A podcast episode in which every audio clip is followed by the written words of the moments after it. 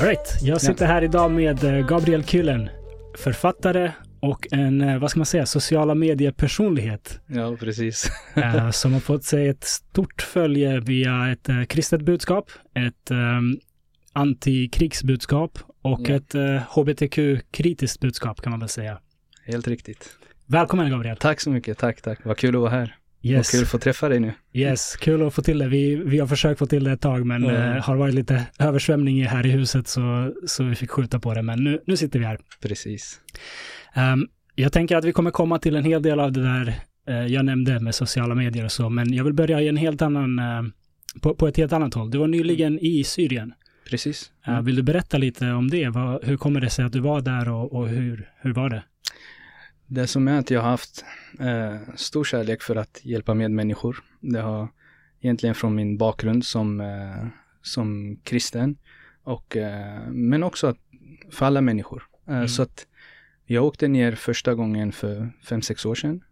Och sen har jag hållit det kontinuerligt. Dock inte under coronatiden lite där. Då det var lite stängt. Men eh, jag har varit nere i, i Syrien under kriget också. Och nu senast hemkommen för cirka tio dagar sedan. Mm. Och målet där nere är ju att hjälpa de utsatta. På två olika sätt. Ett, fysiskt, alltså hjälpa dem med mat, boende. Eh, och eh, också mentalt, alltså att visa att man finns, att det finns människor som bryr sig om er, mm. även om inte ni syns alltid i media. Att man kan krama en människa, att man kan bara ta en kaffe. Alltså, ibland kan ett leende göra så mycket bara att vi mm. vet att ni finns. Och eh, därav den, den stora kärleken till medmänniskan, att älska sin nästa, har varit väldigt viktig för mig. Så att eh, när jag åker ner, du vet, hungern har ingen religion. Hungern har ingen färg. Så för mig har det varit viktigt att den hungrige ska inte behöva sova hungrig. Det är det värsta som finns. Framförallt barn. Eh, jag har själv startat barnhem eh, för sex år sedan i Libanon. Mm. Så även startat frisörsalong som är gratis till alla hemlösa där nere. Uh, och restaurang också. Så det finns en restaurang där nere som ger ut lunch måndag till fredag. Så att, och dit åker jag ner och arbetar och åker runt och besöker de behövande. Mm. Så att, Fint. Ja, precis. Är det, är det någonting du, resor du gör på egen hand eller del av en grupp eller? Nej, det är på egen hand alltså. Det som är att kyrkan har hjälpt mig väldigt mycket för att komma in säkra områden. För du vet, även om det inte syns så mycket så finns det ju farliga områden kvar med mm. terrorister uh, i Syrien. Så att uh, kyrkan hjälper mig väldigt mycket mm. faktiskt mm. att ta mig runt och kunna hitta säkra platser. Men det är på eget bevåg uh, jag åker ner. Jag tänkte precis fråga det, för det är i, i vår del av världen, våra medier har verkligen riktat uppmärksamheten mot Ukraina nu. Ja, precis. Och det är nästan som att man har glömt bort att det fortfarande inte är helt tip, tipptopp i Syrien. Liksom. Hur, hur, är det nu att åka runt? Eh, skjuts mm. det? Eller? Ja, alltså för en vecka sedan så smällde det i Homs och där var jag. Jag var inte där den dagen det smällde, mm. men där smällde det eh, och uh, över hundra personer dog. Men det är mm. sånt som inte syns för att tyvärr, alla människors lika värden, det stämmer inte. Mm. Och det märker man på sociala medier, eller nyheterna om man säger rättare sagt. De mm. bestämmer ju vems, vilka människor som har sitt värde.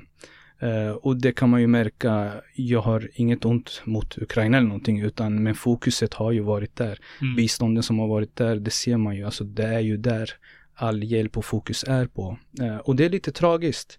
Varför? För att människor där nere, alltså om man ser verkligen hur de har det. Mm. För att det var fattigt innan kriget. Uh, kriget gjorde det katastrofalt, det har pågått tio år. Mm. Sen kommer corona och sen vet du i Libanon kom den där hamnsmällen, den mm. där kraftiga Herregud, explosionen. De så, bilderna var galna. Ja, så vad händer? Du, du, de, de blir slagna när de ändå ligger ner. Mm. Det finns ingen fokus på dem. Så när du väl är där, de känner den här hopplösheten, att ingen ser dem, att ingen hör dem. Uh, för att du vet, man kan säga så här, Ukraina-Ryssland-kriget har varit en form av ett diskotek med högt ljud mm. och så ska du försöka prata med någon. Du, kan inte, du hör inte varandra. Yeah. Och de som är i Syrien, det är de som försöker skrika och ropa i det här diskoteket, men du hör inte dem och de syns inte. Vi, vi kanske ska säga till lyssnarna, nu när vi sitter här är det 10 oktober. Mm, och för ett par dagar sedan så var ju den här stora attacken av, från Hamas i mm, Israel. Precis. Så mycket möjligt när det här publiceras att mm. uppmärksamheten är riktad därifrån, däråt. Eh, men ifall de som lyssnar undrar varför vi inte ja. pratar om det så är det för att det precis har hänt. Då. Ja. Um, ja, nej men uh, och sen vill jag också mm. poängtera, inga krig är rätt. Inga Nej. krig är, alltså människor ska inte behöva dö i krig. För att civila, eh, alltså sorgen du ser i bilder, det spelar ingen roll om det är kristen, muslim, mm. jude, ateist. Vad det än är när du ser den här förkrossade mamman mm. som, som lägger sig över sin döda son eller dotter. Alltså det, det får vilken människa som helst att, uh, att känna sorg. Mm. Uh, den människan som känner glädje i sånt, den människan mår inte bra. Mm. Den människan saknar i princip ett hjärta. Mm. Uh, och, och, så att uh, därav, alla krig är fel. Jag har riktat in mig mycket i Syrien och det har med min bakgrund och kontakt och nätverk att göra. Mm. För att det behövs en trygghet också i det man gör. Mm. Så du, du har rötter där antar jag? Ja, mamma är därifrån. Föddes du där? Nej, jag är född här. Här i Sverige? Ja, precis. All right. Um, ja, vi pratade om det lite innan vi satte igång, att jag, jag föddes i före detta Jugoslavien mm, och vi fick fly från kriget där och hade enorm tur att hela familjen lyckades ta sig ur innan, innan det verkligen brakade loss. Så um, vi undvek det värsta, men, men jag, jag är också väldigt uh, passionerad kring det här. Krig är verkligen det absolut värsta utfallet i vilken situation som helst. Så om det är någonting man ska enas emot så är det krig oavsett vem som skjuter och vem som blir skjuten. 100 procent. Oftast så är det ju ledarna som överlever krig. De som ja. startar krigen överlever krigen medan civila människor som inte vill ha krig är mm. de som blir och faller offer. Så det är mm. väldigt orättvist. Väldigt orättvist. Verkligen. Um, Okej, okay, du föddes här i Sverige i Norrköping eller? Precis. All right, så du har växt upp eh, i, i Norrköping? Jag är en östgötske. härligt, härligt. Uh, berätta lite om din barndom. Var, var den här typen av frågor någonting som tidigt uh, berörde dig eller? Alltså det som är, vi, vi är ju syrianer. Mm. Eh, så att, eh, när mina föräldrar kom hit, eh, 86 var det, då hade ju de, några syrianer redan kommit sen innan. För de började invandra till Sverige på 70-talet. Det som var att det har ju hänt väldigt mycket. Väldigt mycket, alltså om man ser från, från uppväxten man är i. Samtidigt så var det en liten kulturkrock. Föräldrarna, du vet, man växte upp, de kunde inte så bra svenska, man skämdes lite. Uh, man hade en helt annan kultur, liksom du kunde få köttbullar i, uh, på lunchen i skolan och så åt uh, an, annan arabisk syriansk mat ah. på kvällen. kom kompisar över, fick de ju prova och det var så här. Det var en kulturkrock men på ett fint sätt. Mm. Eh, det började väldigt fint för att vi växte upp med att vi skulle respektera eh, alla människor, vi skulle respektera Sverige. Eh, och samtidigt, du vet, våra föräldrar och förföräldrar, de var ju halvt analfabeter för att man kunde inte studera i de byarna. Du vet, som kristen minoritet var det väldigt tufft på, mm. på den tiden i hemländerna.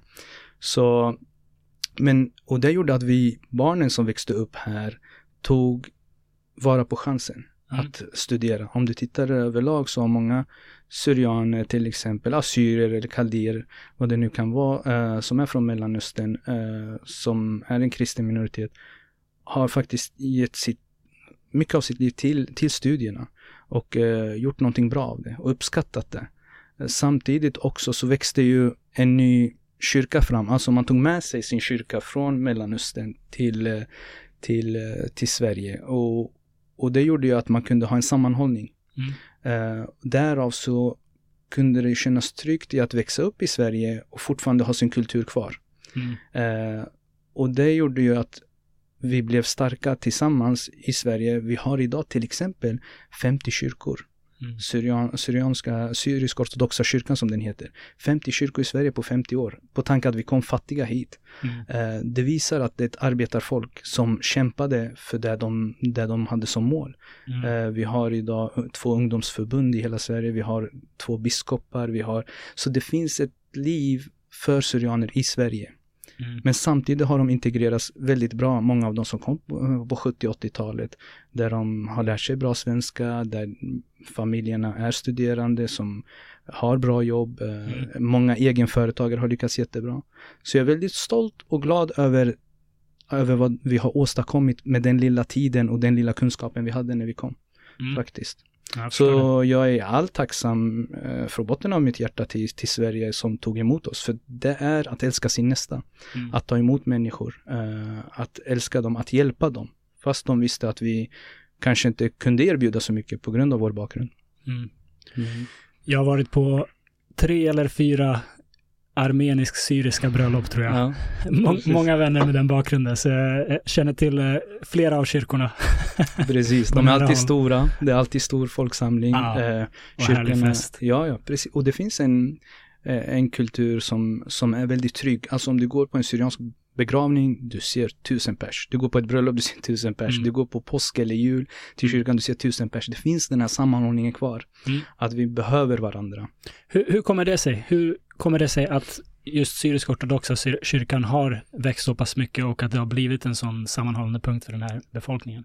Kyrkan har varit alltså ett första hem för syrianer. Inte ens ett andra hem, ett första hem. När du väl kom till Sverige, du ville söka dig till närmaste kyrkan för du kunde bli förstådd där. Du kunde få hjälp där. Alltså, jag minns alltså, alla hjälpte varandra. När, till exempel när vi höll på med första kyrkan. Alltså, de köpte knappt in tjänster. Du vet, ja, men det var farbröder, morbröder som gick och mm. måla och städa och snickra och gjorde vad de kunde. Det var att ge av sitt hjärta till, till eh, kyrkan och till sitt folk. Mm. Uh, du ser till exempel även fotbollen, liksom det är ibland stormatcher, du har värsta publiken. Mm. Uh, och det är för att man har en kärlek till, till sitt folk eh, på grund av gemenskapen. Och den kommer ju från, från den kulturen man är ifrån. Alltså även mm. i Mellanöstern. Det var samma, samma sak där. Mm. Eh, min pappa berättade alltid att på morgonen gick de till kyrkan och bad. Eh, och började dagen där. Och så gick man ut och arbetade. Och sen klockan fem så ringde kyrkans klocka. Och så samlades alla i kyrkan för kvällsbön. Och, och kunde träffas och ta en kopp kaffe efteråt. Så den här gemenskapen höll sig. Ja. Därav kan man se idag, alltså jag vet att min pappa, eh, han gick bort i corona men, mm, eh, men Tack, men det som var så häftigt var att han var på begravning var och varannan vecka. Jag bara, men känner du dem? Nej, men bara gå och visa sitt stöd. Eh, och det, finns en, det fanns en form av plikt yeah. att gå och stötta varandra. Och det minns jag att man stöttade varandra väldigt mycket. Jag kommer ihåg när vi, när vi köpte vår första kyrka eh, i Norrköping. Då, då samlade de in pengar. Och jag kommer ihåg min pappa, han jobbade inte då. Men vad sa han? Han, han sa jag ska också ge det jag kan. Så han gick och lånade pengar. Mm. och gav till kyrkan för att de skulle kunna köpa. Så att han tog in ett lån och det gör att vi kunde få min, ännu mindre, men det fanns hopp om att gemenskapen var viktig. Yeah. Så därav kanske jag har lärt mig den här att älska min nästa. Ja. Kan det ha att göra också med att många kom från ett förtryck där, där ja. deras tro inte var accepterad? Absolut, absolut. Mm. Det, det är där du ser. Exempelvis om man tittar idag eh, blir, eh, om du går på en fotbollsmatch, syrianska, syriska, du ser intriger, du ser mm. eh, ibland eh, dumma saker. Men så fort, eh, så fort du till exempel ser nu det som hände bröllopet i, i Irak, den här branden, så går alla ihop och hjälper varandra. Mm. Eh, samma sak till exempel om AIK och Djurgården spelar, det värsta rivaliteten, haten. Men så fort Sverige möter Finland, då är de tillsammans och sjunger på Friends Arena. Yeah. Så du ser, det finns en gemenskap som, eh, som grundar sig i, i vår kultur och för oss är det ju kyrkan som har sammanhållit eh, folket faktiskt. Mm. Så vi har ett stort tack att säga till eh, kyrkan också Sverige som har låtit oss växa fram eh, mm. så som den har gjort. Så ja, om jag tolkar det rätt så har religionen varit med dig från början och varit ett viktigt inslag från början? Absolut, det, det, det är min identitet egentligen, min, mm. min tro. Mm. Så att, eh, det skulle jag kunna säga faktiskt. All right. Um, mer om eh, din uppväxt och barndom. Mm. Vad, vad, tyckte du, förutom den, den syrianska kyrkan, mm. vad, vad, tyckte du var intressant? Vad, hur, hur var du som grabb? Jag var väldigt lugn, jag var väldigt lugn. Visst, det fanns små bus, men inga större bus.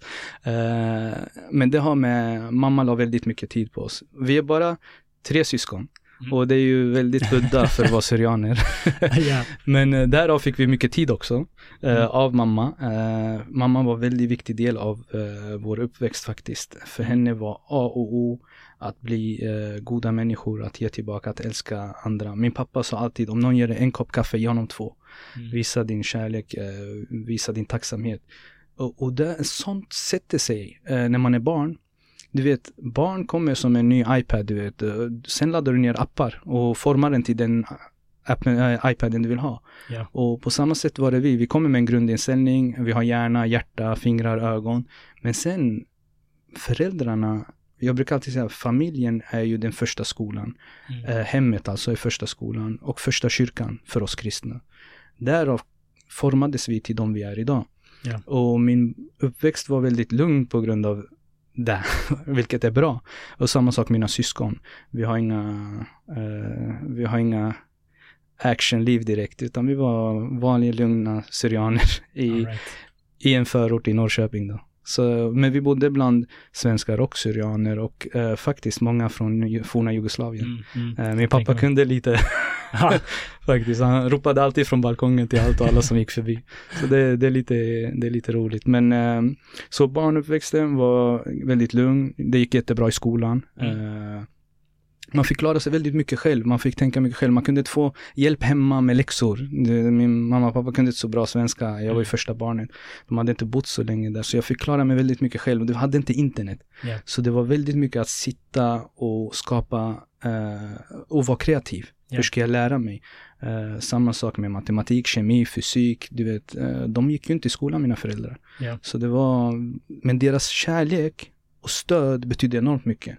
Mm. Och det gjorde att jag kunde ge den där, för du vet, även om de var halvt analfabeter så var det ändå den här tryggheten hemifrån som gjorde att jag visste vad som var rätt och vad som var fel. Mm. Så jag visste till exempel när jag gjorde fel. Jag visste det. Och yeah. du vet, den här känslan av att, åh oh, nej, nu har jag gjort fel. Hoppas inte min mamma och pappa vet. Förstår du? Men känslan av att komma hem med bra betyg och se glädjen i deras ögon.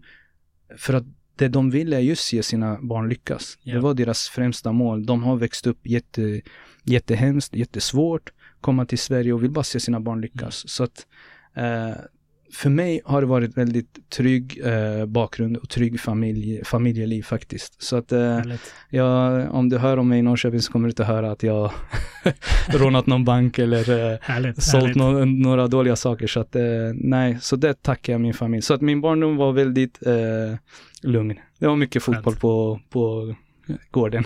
All right. Hade du några tankar om vad du vill jobba med, vad, vad, du vill bli när du blir stor?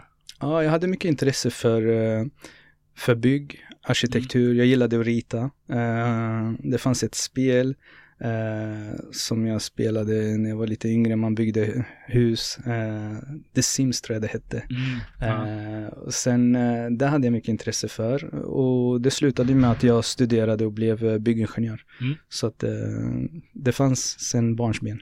Härligt. Vad, vad gör man som byggingenjör? Ja, det finns ju många olika roller. Eh, senaste arbetet jag hade var att jag jobbade på bygglovskontoret i Norrköping. Mm. Eh, där man, eh, ja, egentligen är det mer lag. Eh, du tittar så att eh, människor bygger rätt enligt svensk lag. Och godkänner ritningar och handlingar och eh, ger beslut om att ja, du får bygga eller inte bygga. Och det höll jag på. Innan det så jobbade jag med besiktningar av hus.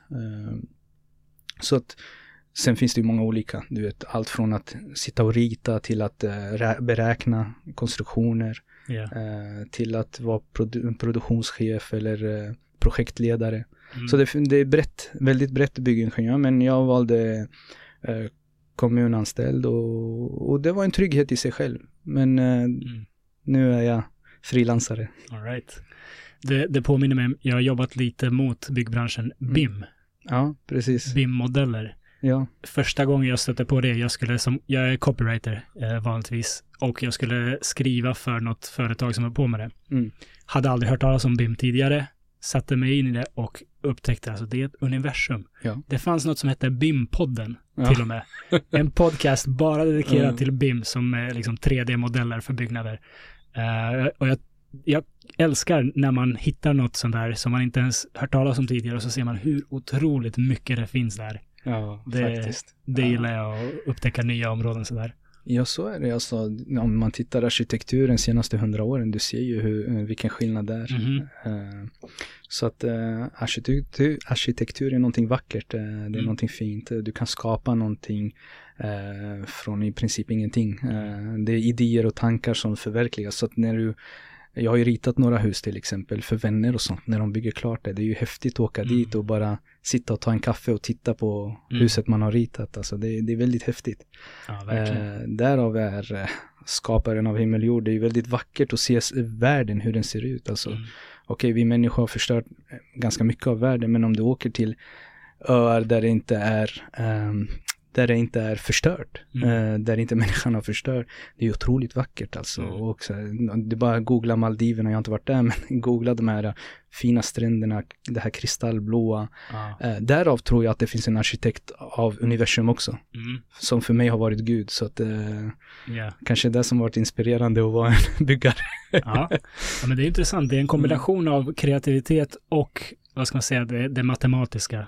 Absolut, absolut. Känner du dig mer lagd åt det kreativa eller det matematiska eller?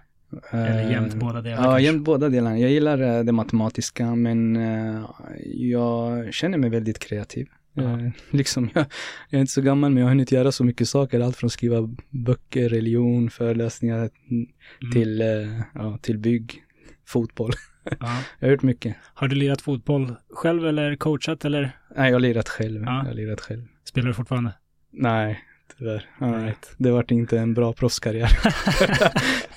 Hade du några ambitioner på att bli proffs någon Ja dag? men det har väl alla. Ja. Det har väl alla när man var liten. Det var ju, alltså det, då fanns ju inte iPhone när man var i de åldrarna. Och då Mm. var det ju, liksom, då var ju fotbollsspelarna och fotbollen det viktiga. Och sen du vet, det var en annan gemenskap när man kollade fotboll. Nu kan du ju sitta i din telefon och kolla på matchen själv. Men det gjorde Mm. du inte som liten. För vi hade bara en tv.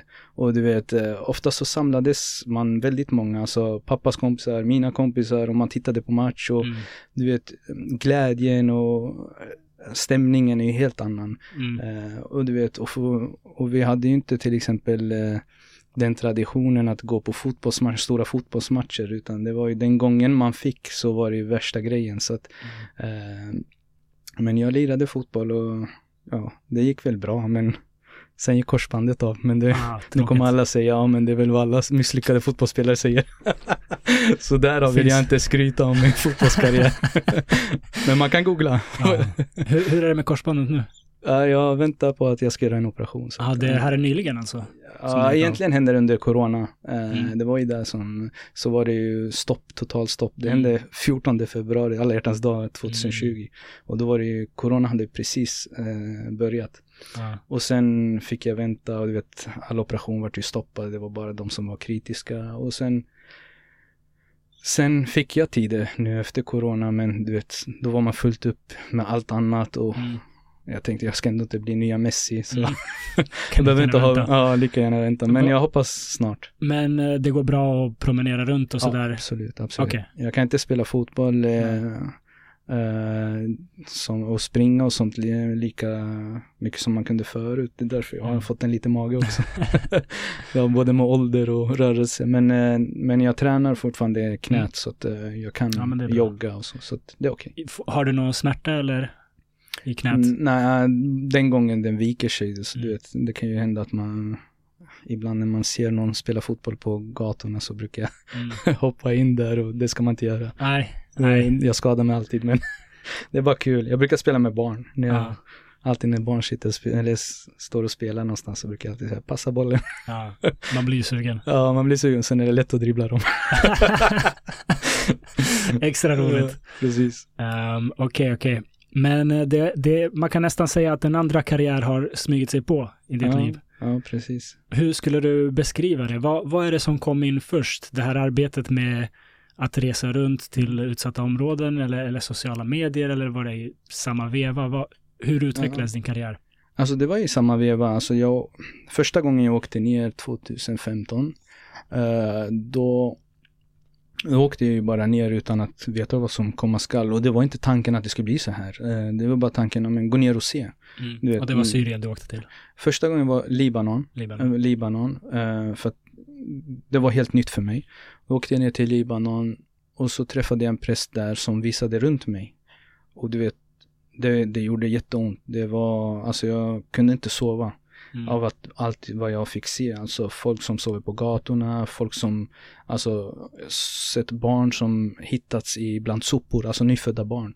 Mm. Eh, och du vet, det var en sån sjuk upplevelse. Varför? För att det här är inte någonting jag har växt upp med. Även om du har hört, vad du hör är inte samma sak när du upplever det. Nej.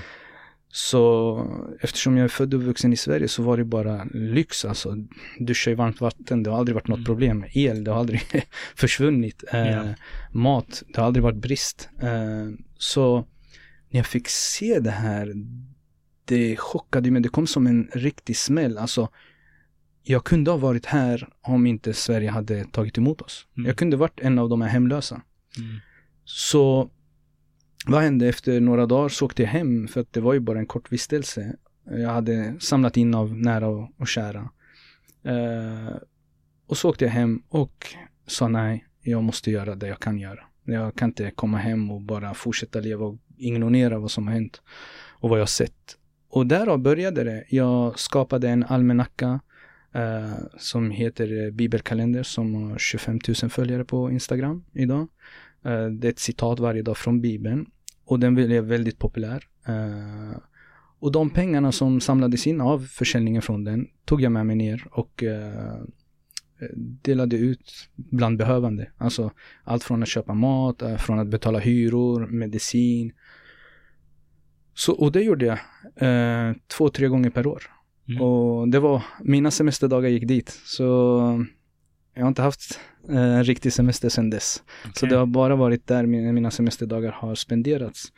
Och, och därefter började jag skriva andra böcker och började producera mer böcker, gjorde föreläsningar och samtidigt så ökade ju eh, följetalet på, på sociala medier.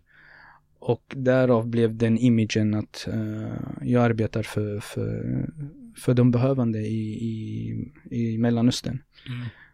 Idag så Idag så har det ju varit så att jag, vi har också startat i Norrköping till exempel. Vi hjälper hemlösa där i Sverige. Pensionärer, eh, familjer som har det svårt. Varje lördag morgon delar vi ut frukost. Eh, då är det jag och mamma och sen finns det alltid vänner som ställer upp. Uh, mamma gör maten.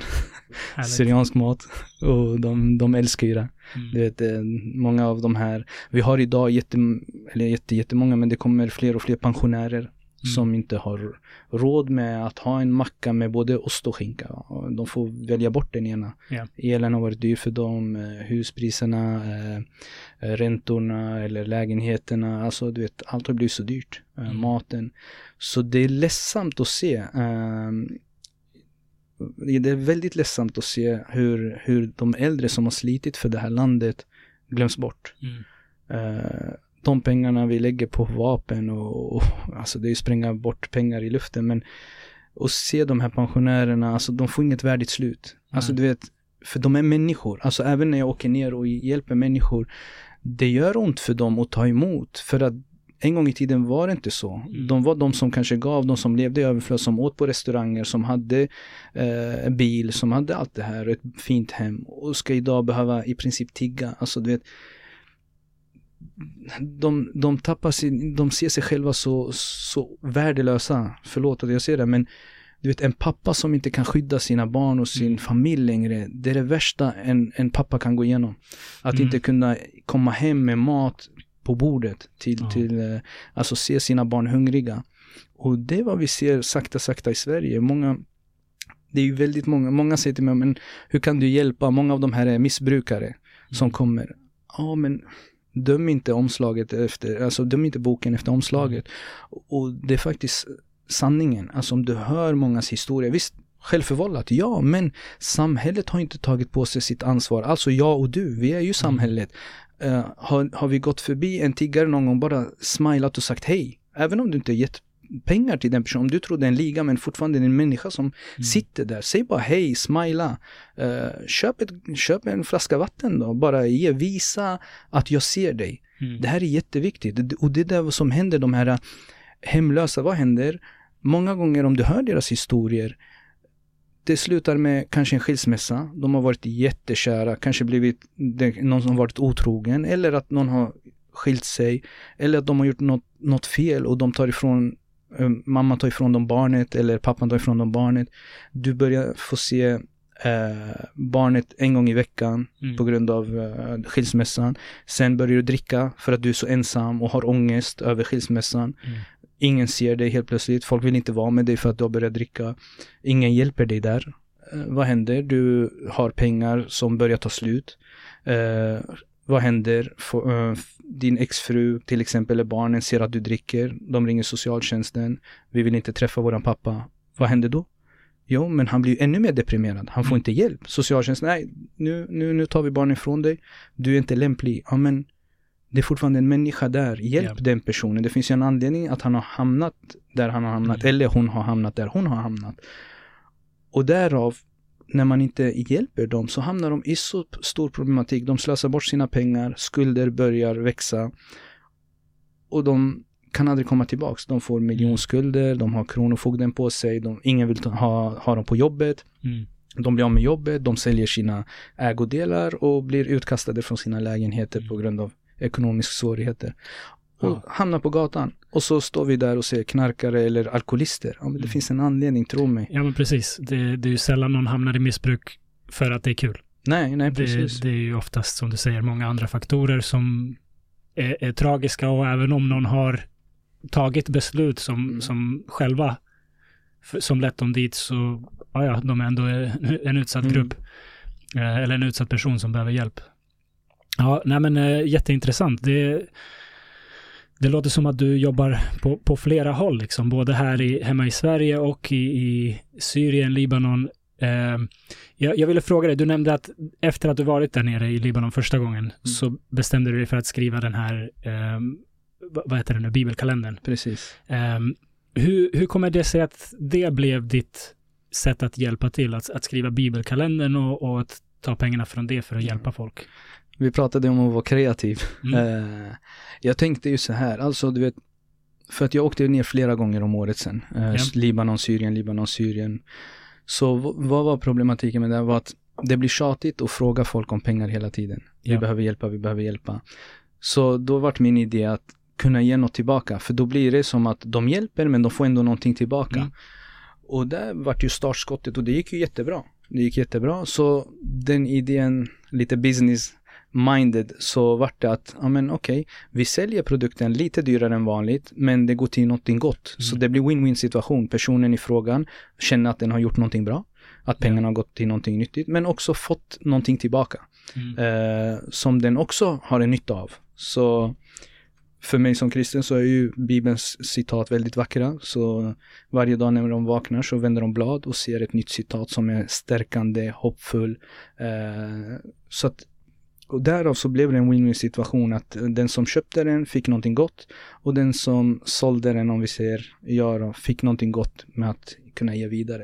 Mm. Så därav såg jag en, en, en cirkel som slöt sig eh, väldigt fint. Som mm. började gott och slutar gott. Verkligen.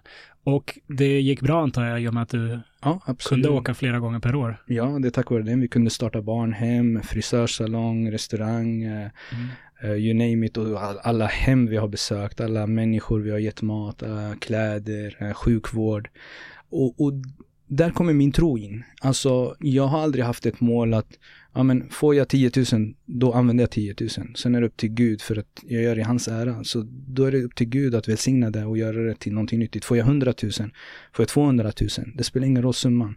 Uh, kärleken man, man, man, man utbyter där nere är så vacker att alltså, i slutändan är det inte pengarna utan det är att de syns. För att, mm, okej okay, om jag köper mat till, till en person eller en familj eh, som räcker en månad, vad händer sen då? Det är ju 11 månader kvar på året.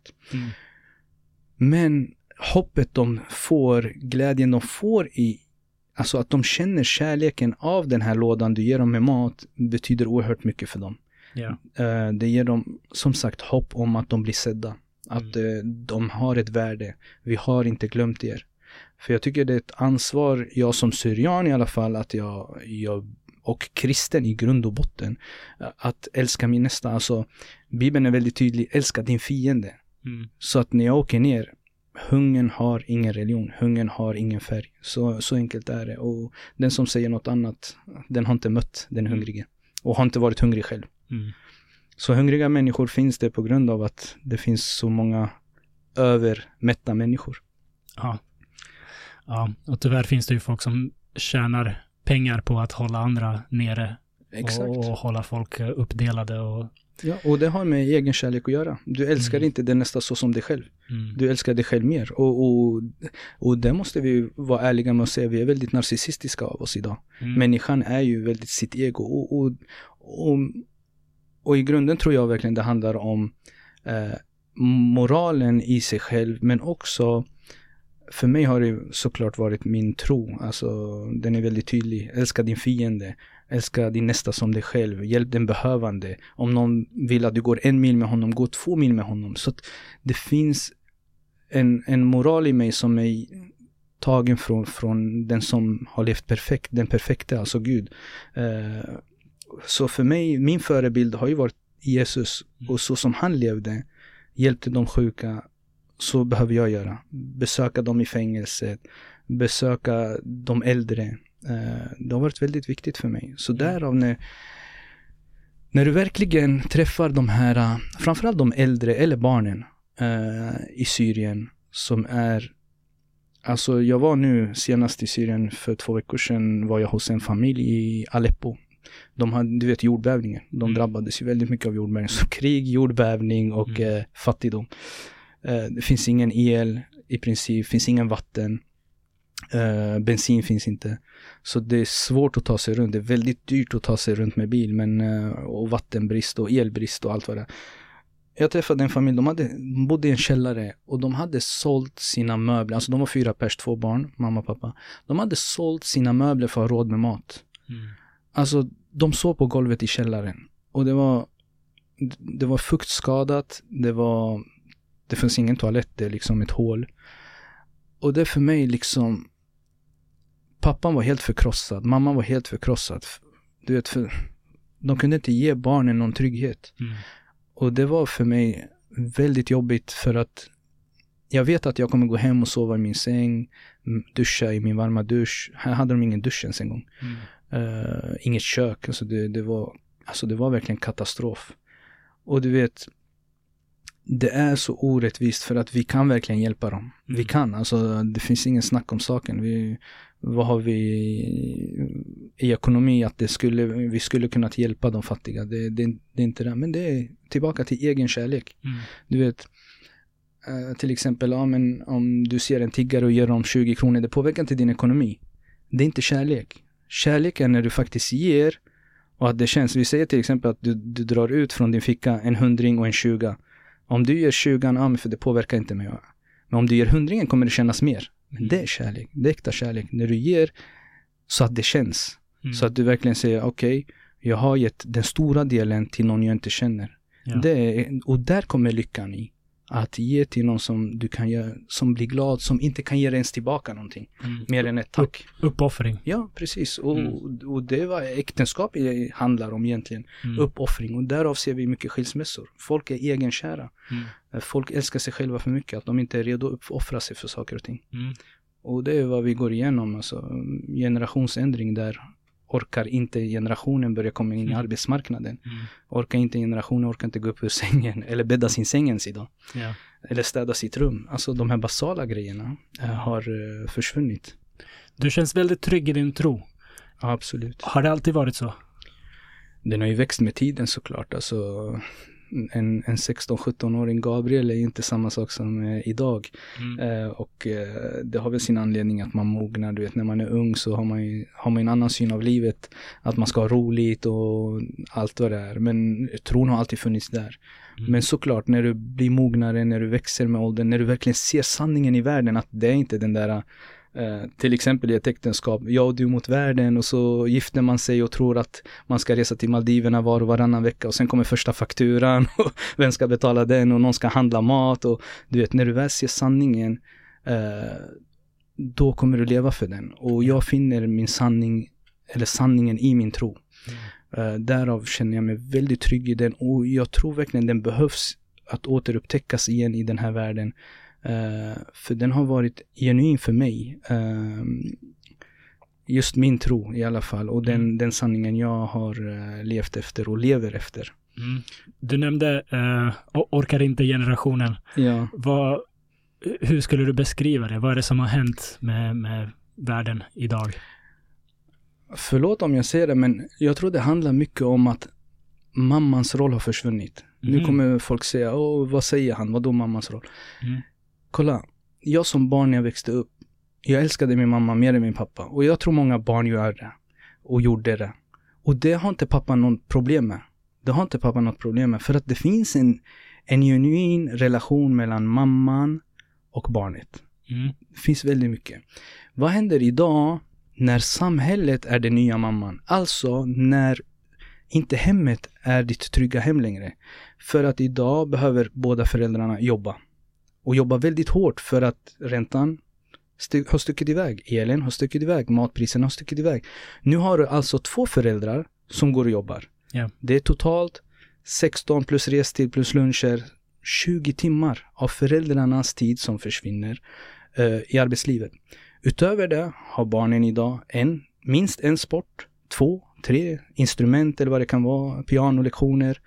Uh, där ska du hinna med. Och du ska hinna med att laga mat. Du ska hinna med att städa huset. Hus, hushållet är ju fortfarande densamma vare sig du jobbar eller inte. Mm. Huset ska, det ska handlas mat, det ska städas.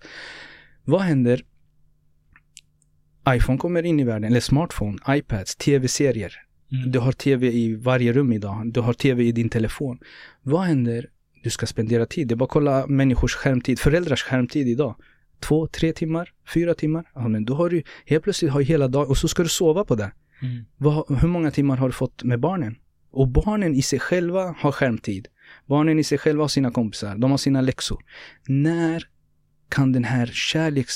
Den här, även djuren, alltså om du kollar hur fåglar till exempel tar hand om sina barn. Den här tiden, alltså om mamman sticker iväg och inte kommer tillbaks, barnen kommer dö. Mm. Och samma sak, den här kärleken, den här för du vet, det börjar redan i magen. Redan vid befruktningen finns det en känsla av det här är min mamma.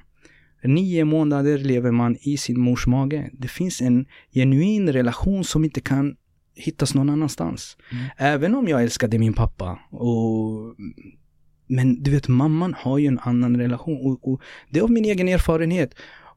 Och tappar vi den, vilket vi har gjort idag, det är första gången vi ser det här, den här generationen där samhället får dina barn att växa upp. Samhället sätter normen. Samhället är... Och du vet, en mamma är redo att offra sig för sina barn. En pappa är redo att offra sig för sina mm. barn, men inte samhället. Men förstår jag rätt att du menar att relationen mellan mamman och barnen har skadats för att även kvinnor tvingas jobba idag för att hinna, hinna med ekonomin, eller? Både ja och nej. Jag, okay. jag, jag har inget emot att, att uh, mamman jobbar. Jag har inte mm. emot det. Det jag menar är att jobb, telefon, sport. All tid som mamman behöver lägga på sitt barn. Mm. Barnet behöver den här mammakärleken. Mm. Även pappakärleken, det är inte det. Men det jag menar är att mammakärleken, jag börjar därför att av egen erfarenhet, det är det som har format, format mig till vem jag är idag. Yeah. Den kärleken behöver tid. Alltså ett förhållande, om man inte lägger tid på varandra, eh, vad kommer, vad kommer ens fru säga? Ja men du har inte tid för mig. Vad, mm. vad, vad är det för kärlek?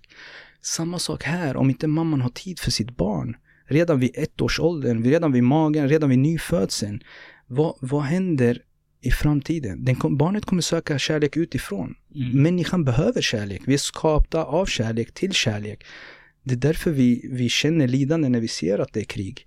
Yeah. Det, vi älskar människor, vi älskar samhället, vi älskar varandra eh, i grund och botten. Mm. Så det är ingen som föds till exempel med hat. Det är ingen som föds med, som är rasist. Det är ingen som föds med att kriga. Det, är ju, mm. det påverkar dig i din uppväxt. Mm. Men det, det är intressant för det... Jag, jag fråg, min fråga var ju, vad ser du som, har, som är ett, liksom, var har samhället gått fel idag? Mm. Och det här, att det är ditt svar, det tycker jag är väldigt intressant. Men, men och jag kan hålla med om, in, inte bara mammans, pappans mm. roll också är oerhört viktig, speciellt under barnens tidigare år. Men eh, vad skulle svaret vara? Skulle, skulle vi som samhälle behöva, eh, vad ska man säga, premiera att ta hand om hemmet mer? Att, att det är betalt på något sätt eller, eller vad, hur, hur ser du oss ta oss ur det här som är problemet? 100 procent. Alltså vad händer med konsumtionssamhället när det, finns, när det fanns så mycket pengar för några år sedan? När du har låga räntor, eh, du har sociala medier, eh, du ser de perfekta liven på sociala medier, du vill göra samma sak, eh, du vill leva livet. Eh, vi går emot ett samhälle, älska dig själv, bry dig om dig själv. Du vet, det, det här offrandet har försvunnit eh, ganska mycket, tyvärr. Det som du pratade om också, att offra sig. Du offrar inte, vet du, förra året, vet du vad den största drunkningsolyckan var? Alltså vad orsaken var? Nej. Föräldrar som satt vid telefonen. Mm. Det tar två, tre sekunder om du tittar i din telefon och barnen eh, är i vattnet. Två, tre sekunder så är de borta. För mm. det är ett mm. helt hav, du hittar inte barnen. Det var den största orsaken till drunkningsolyckor. Det bevisar att, men, för att om du verkligen är uppoffrande, du slänger ifrån dig telefonen och bara har uppsikt på ditt barn. Mm. Vad händer? Barnet kommer inte drunkna. Du är med ditt barn, du skyddar ditt barn. Men vad händer när du börjar säga, ah, jag ska bara ta en selfie eller jag ska ta en bild och lägga upp på sociala medier. Mm. Eller jag ska bara kolla mitt Instagram eller min Facebook. Och så försvinner barnet. Mm. Det är egen kärlek. För okay. du gjorde dig ditt behov av att titta till någonting som tillhör dig och glömde ditt barn. Alltså, det låter väldigt eh, väldigt så här um, nedtryckande, men jag vill inte att folk ska missförstå mig för att vi ser verkligen vilket samhälle vi har gått emot. Alltså, det är bara att kolla, vakna varje morgon och läs Aftonbladet eller Expressen. Du ser det är bara negativt, negativt, negativt. Och det handlar mycket, och det har påverkat samhället för att vi älskar oss själva för mycket. Mm. Älska din nästa som dig själv. Alltså grannar pratar, jag jobbade på kommun. Yeah. De största anmälningarna som var, det var grannar. Det var så, alltså, herregud alltså. Det var så mycket klagomål från grannar. Mm. Alltså hur kan du leva med grann, ett grannskap där ni hatar varandra. Mm. Tänk dig att komma hem och parkera sin bil, gå ut ur sin bil. Hej granne, hur är det? Hur mår du? Just det, kan jag låna din gräsklippare? Eller min granne där, oh, har de köpt en ny bil också? Kolla hur de parkerar. Kolla.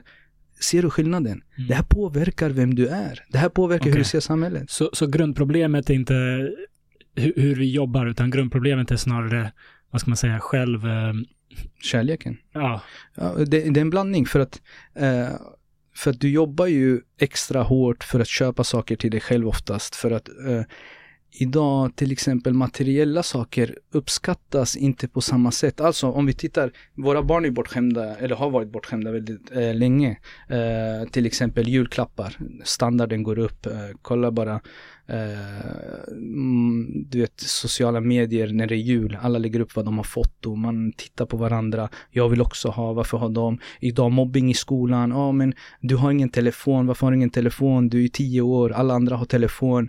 Förstår du vad som händer? Det, det, du skadar en generation i att jag, jag vill ha, jag vill också ha, jag vill också ha, jag vill också ha. Så det är en blandning mellan att, för att tiden är ju bara 24 timmar på ett dygn. Du mm. behöver jobba, du behöver sova, du behöver det här, det här, det här.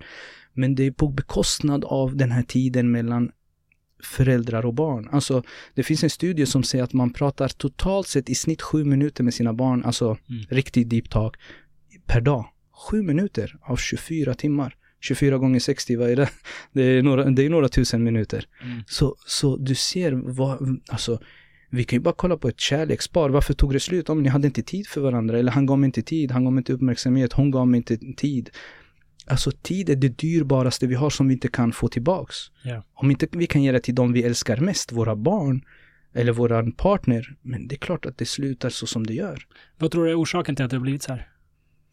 Och det återigen, det är vad jag tror att människan älskar sig själv för mycket. Alltså, mm. kolla. Men, men jag menar, vad är orsaken till att det har blivit så? Eh, eller vi, vi, har det alltid varit så? Nej, det har inte varit så. Jag tror vi går emot ett gudlöst samhälle. Mm. Alltså, när Gud inte finns, vi måste omdefiniera kärlek. Okay. Om inte Gud finns, då lever du bara i de åren du har på jorden. Lev livet. Det är vad vi växer upp med. Lev livet. Men vad är leva livet? Är leva livet att resa och göra allt som man har i tankarna och idéer? Om jag ska resa världen runt. Ska... Vi har gått ifrån familjen. Det är livet. Familjen är livet. Det finns inget vackrare än när ett barn föds. Det finns inget vackrare än att se en familj, mamma, pappa, barn, sitta på McDonalds och äta. Det där är livet. Livet är inte att jag och hon, eller jag och min fru, eller jag och det här, eller att mina barn ska bli fotbollsproffs. Det är inte livet. Livet är kärnfamiljen. Att tillsammans vara en familj. Tillsammans älska varandra. Tillsammans gå och handla. Tillsammans gråta. Tillsammans skratta. Det här har försvunnit. Det är därför vi ser idag. Kolla på min, min mormor. Alltså hon har åtta barn. Bara min mormor och morfar. Åtta barn. Eh, och 30 barnbarn. Mm. Från, ja, men, men, du ser, men det finns en glädje, en kärlek i, hon visste att den glädjen hon har, det kan inte pengar köpa. Om hon hade valt en karriär som toppadvokat, säger vi, och hade varit ensam. Mm. Hon hade varit deprimerad när hon är 40-50 år, ensam. Och ingen att dela, alltså, du vet, att skapa liv, alltså ett barn eh, som du kan dela kärlek med, som du kan ge, som inte pengar eller någonting annat kan ge dig.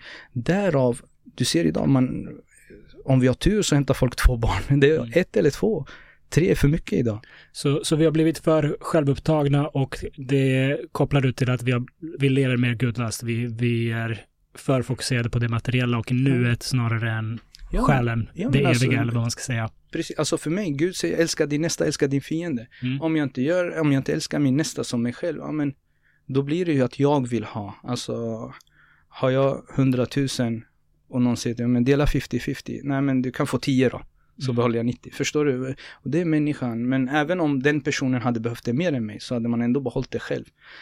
Och det är ju för att man känner, man känner ingen trygghet. När du, min religion har varit min trygghet som du sa tidigare.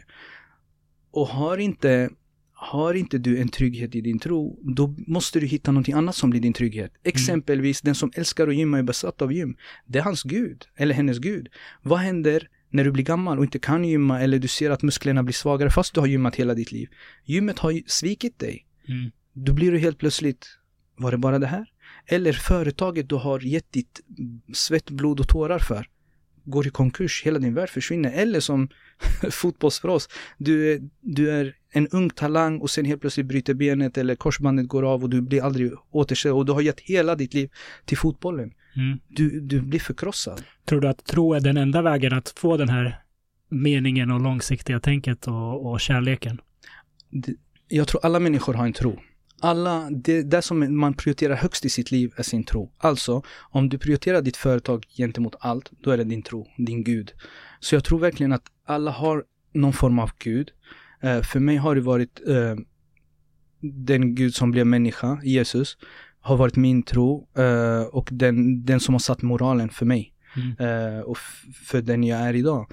Och uh, du kan vara en bra människa och fortfarande in, inte så kallat tro på de här religionerna som vi känner till idag. Men jag menar på att människor idag, vad är det högsta, vad är det du offrar dig för? Det är din tro. Det är din mm. gud. Så skulle du offra dig för gymmet, det är din gud. Skulle du offra dig för pengar, det är din gud. Skulle du offra dig för bilar, så blir det din gud och säga att någon inte har någon traditionell tro, men mm. den personen äh, brinner för familj, barn, mm. de, de, här sakerna som du lyfter som viktiga. Eh, är det likvärdigt eller saknas det fortfarande någonting? Alltså den som är redo att offra sig för sin familj har i grund och botten förstått innebörden av vad kärlek är. Mm. Eh, att älska någon annan än sig själv i så mycket som du älskar dig själv, om inte mer. Alltså och där skulle jag säga, den personen som gör det, men inte har den här tron, har fortfarande egentligen en kristen tro utan att veta om det. Mm. Det är bara att han inte upptäckt Jesus än. Okej. Okay. ja. Hur så? Jo men alltså för att kolla, det finns en sanning. Världen består av en sanning. Samma sanning som att jag och du sitter och pratar nu i två mikrofoner, vi är två personer. Det är en sanning. För mig, den lika sanning som den jag berättar nu, det är för mig Jesus, alltså Gud. Mm. Därav kan jag säga att det finns en sanning som jag lever efter. Och den sanningen finns, vare sig, han finns vare sig du tror eller inte tror. Han finns inte bara för de som tror. Han mm. finns ju för alla för att han är sanning. Det är så jag ser det. Ja. Förstår du hur jag tänker? Så mm. att du kan vara, ha kristna värderingar utan att veta om det. Ja, jag tror hela västvärlden har någonstans i grunden mm. eh, judiska och kristna värderingar som, som har format västvärlden. Så, så det kommer man nog inte ifrån. Men det, jag, jag är nyfiken på det här, för det, det finns ju folk som tycker att har man inte en gud eller tror man inte på någon form av liksom, religion eller gud så, så kommer det alltid finnas ett hål. Mm. Men det finns andra som tycker att nej, men det, moral går att ha oavsett. Uh, jag är nyfiken på var du står. Är det liksom fortfarande något som saknas även om man kanske har samma goda moral men inte läser Bibeln eller Koranen eller någon annan helig bok?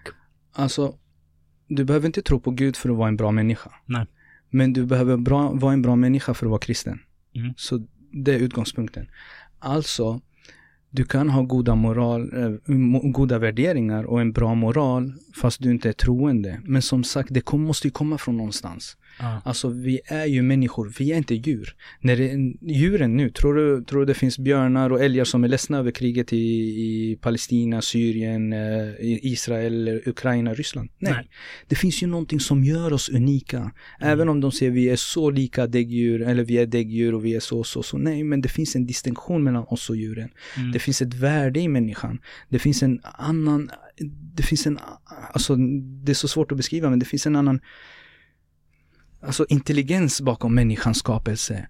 Och därav tror jag verkligen att det finns någonting i oss som är implanterat från födseln fram till idag att veta att vissa saker är fel. Yeah. Alltså, även om du skulle åka till, till, till ett land som inte har internet och inte har, ja, men till någon ö som det finns eh, civilisation på. De, de skulle veta, alltså om du träffar, skulle de veta att det är fel att döda varandra och äta mm. varandra. Mm.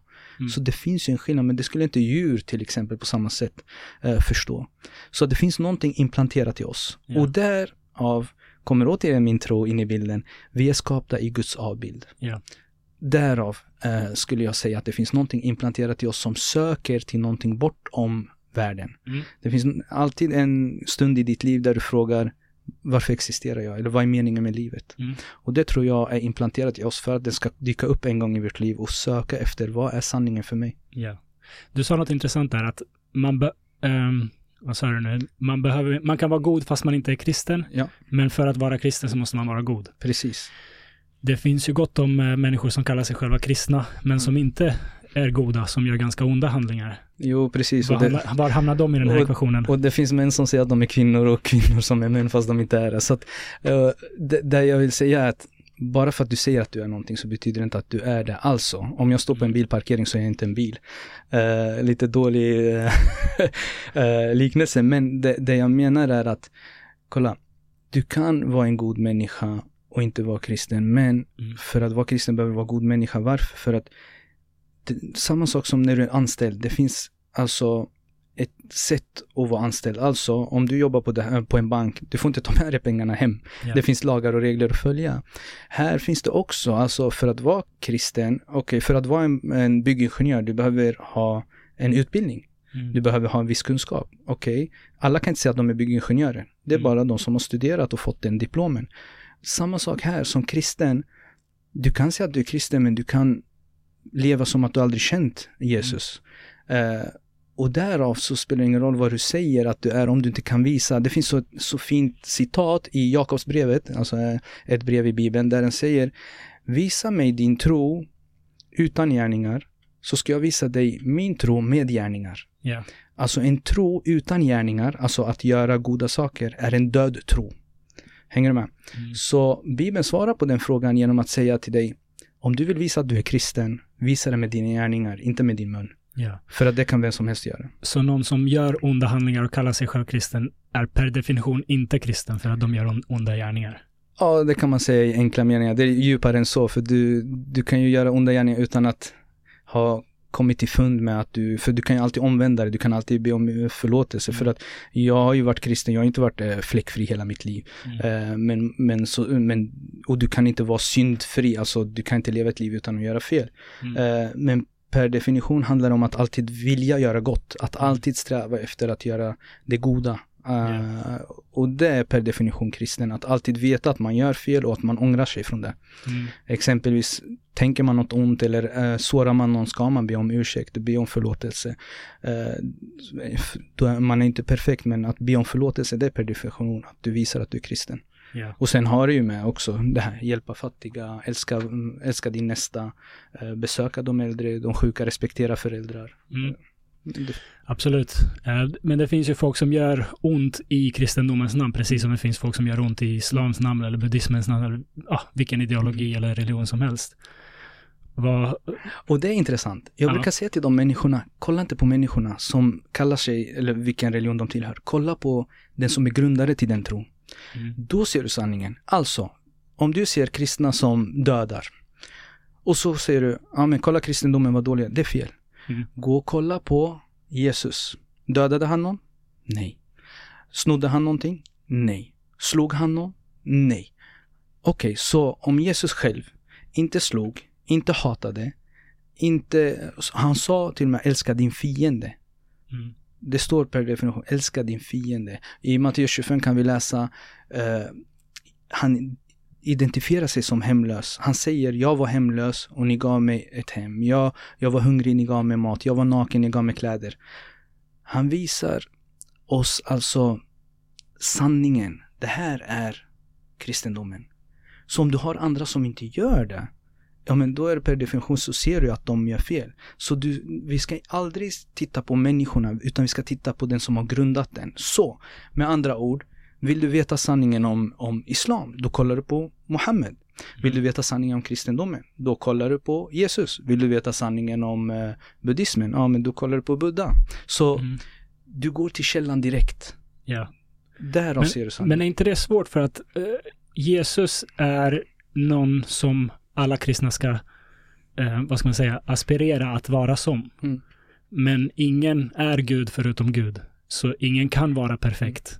Nej, och därför blev Gud människa. Mm. Gud behövde inte bli människa om han inte ville. Eller hur? Men Gud blir människa per definition för att vi ska kunna bli lik honom. Mm. Lik honom. Alltså inte bli gudar, utan bli lik Gud. Det här är en teologisk eh, citat, men det kommer från tidiga kyrkan som säger alltså Gud blir människa så att vi ska kunna bli lik honom. Alltså mm. det här är så vackert, för varför? Det finns boss och det finns ledare. Mm. Du, du är alltid rädd för boss, du vet, han står och pekar. Medan ledaren, den som är längst fram och drar sina medarbetare. Det är skillnaden. Det är därför Gud blir människa, för att visa vägen och dra oss med honom och lära oss. Och han har aldrig sagt, Jesus har aldrig sagt att eh, varför gjorde du fel? Han säger varför ångrar du dig inte? Yeah. Det är det viktiga budskapet i kristendomen, för att han vet att vi är människor, för vi är inte gudar. Han är Gud som blev människa och kunde vara perfekt. Mm. Och visar oss att han kunde, men visar att okej, okay, ni kanske inte kan, men målet är att ni ska bli så. Mm. Och det är en helt livslång process. Och det är okej okay att göra fel, men så länge du är medveten om att du gör fel och att du ångrar att du har gjort fel. Mm. Så därav så blir Gud människa. För att vi, han ska lida med oss. Mm. När, han, när vi är deprimerade så säger han, jag har känt det. När, när, vi blir, när vi lider i krig så säger han, jag har också lidit. Jag har blivit korsfäst, jag har gråtit. Han har haft ångest. Så han har gått igenom vad människan, han har varit hungrig. Mm. Allt människan har gått igenom uh, har han gått igenom. Hemlös, you name it. Mm. Allt som du kan se det jobbiga i världen gick han igenom för att han blev människa. Yeah. För att kunna identifiera sig med oss. Ja. ja, jag hör dig. Eh, jag bara tänkte på det du sa, att gå, gå till källan, gå till mm. ursprunget. Mm. Att det är, ju, det är ju den perfekta människan. Ja, men alltså titta eh. idag. Vad, säg till ungdomarna när de spelar fotboll. De kör 11 mot 11, men 11 är Messi och 11 är Cristiano Ronaldo. Det är deras förebilder. De vill bli som dem, men det, de vet att 99,99% att de inte kommer bli som dem, men de mm. försöker ändå. Mm. De köper deras tröja, de tittar på YouTube hur de spelar. De har ju en, en passion för den spelaren, fast du vet att alla inte kommer bli Messi. Mm. Men även om de inte blir Messi så kanske de blir någorlunda bra tack vare Messi. Ja. Och, och, och, och, det är okej. Okay. Så det viktiga är att sträva efter att vara som mm. Jesus? 100 procent, 100 procent. Ja. Um, vi har varit och nosat lite på det. Mm. HBTQ-frågor. Ja, uh, precis. Du, du, du, nämnde lite idag män, kvinnor och kvinnor, män och så vidare. Ja, precis. Hur, uh, hur kom det här in i ditt arbete? Jag, mm. vi, vi, var inne på liksom Libanon och uh, det du upplevde där mm. och därför har du velat hjälpa, hjälpa barn. Mm. Men det ser man ju en del i ditt uh, Instagramflöde nu mm. att HBTQ har blivit en växande del, om man kan säga så, i, i det du pratar om.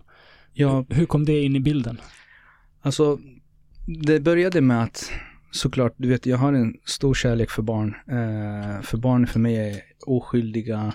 De föds väldigt, eh, alltså de föds eh, felfria. Alltså de föds så vackra, du vet, det finns inget barn som inte ser ut som en ängel. Mm. Eh, och oskyldig. När jag börjar se ett gudlöst samhälle, okej, okay, men när jag börjar se att man för en ideologi fram mot barn. Alltså det som sker idag mot barn är bort, alltså under all kritik. Mm. Alltså det fanns en tid när du lämnade barnen till skolan, du var trygg i det. Därför kunde du gå till jobbet. Idag, du går till skolan, lämnar ditt barn och de lär dem, som sagt, moral. De sätter moralen i dem. De, de, de, de blir din nya familj. De blir dina föräldrar.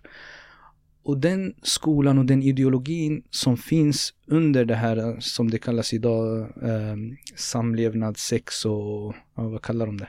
I alla fall det som vi kallade sexualundervisning när vi gick mm. i skolan.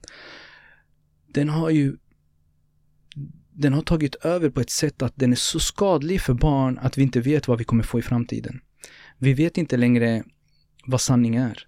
Det har skadat barnen på ett sätt att till exempel porr, när den, när den blev tillgänglig för, för ungdomar och barn på internet.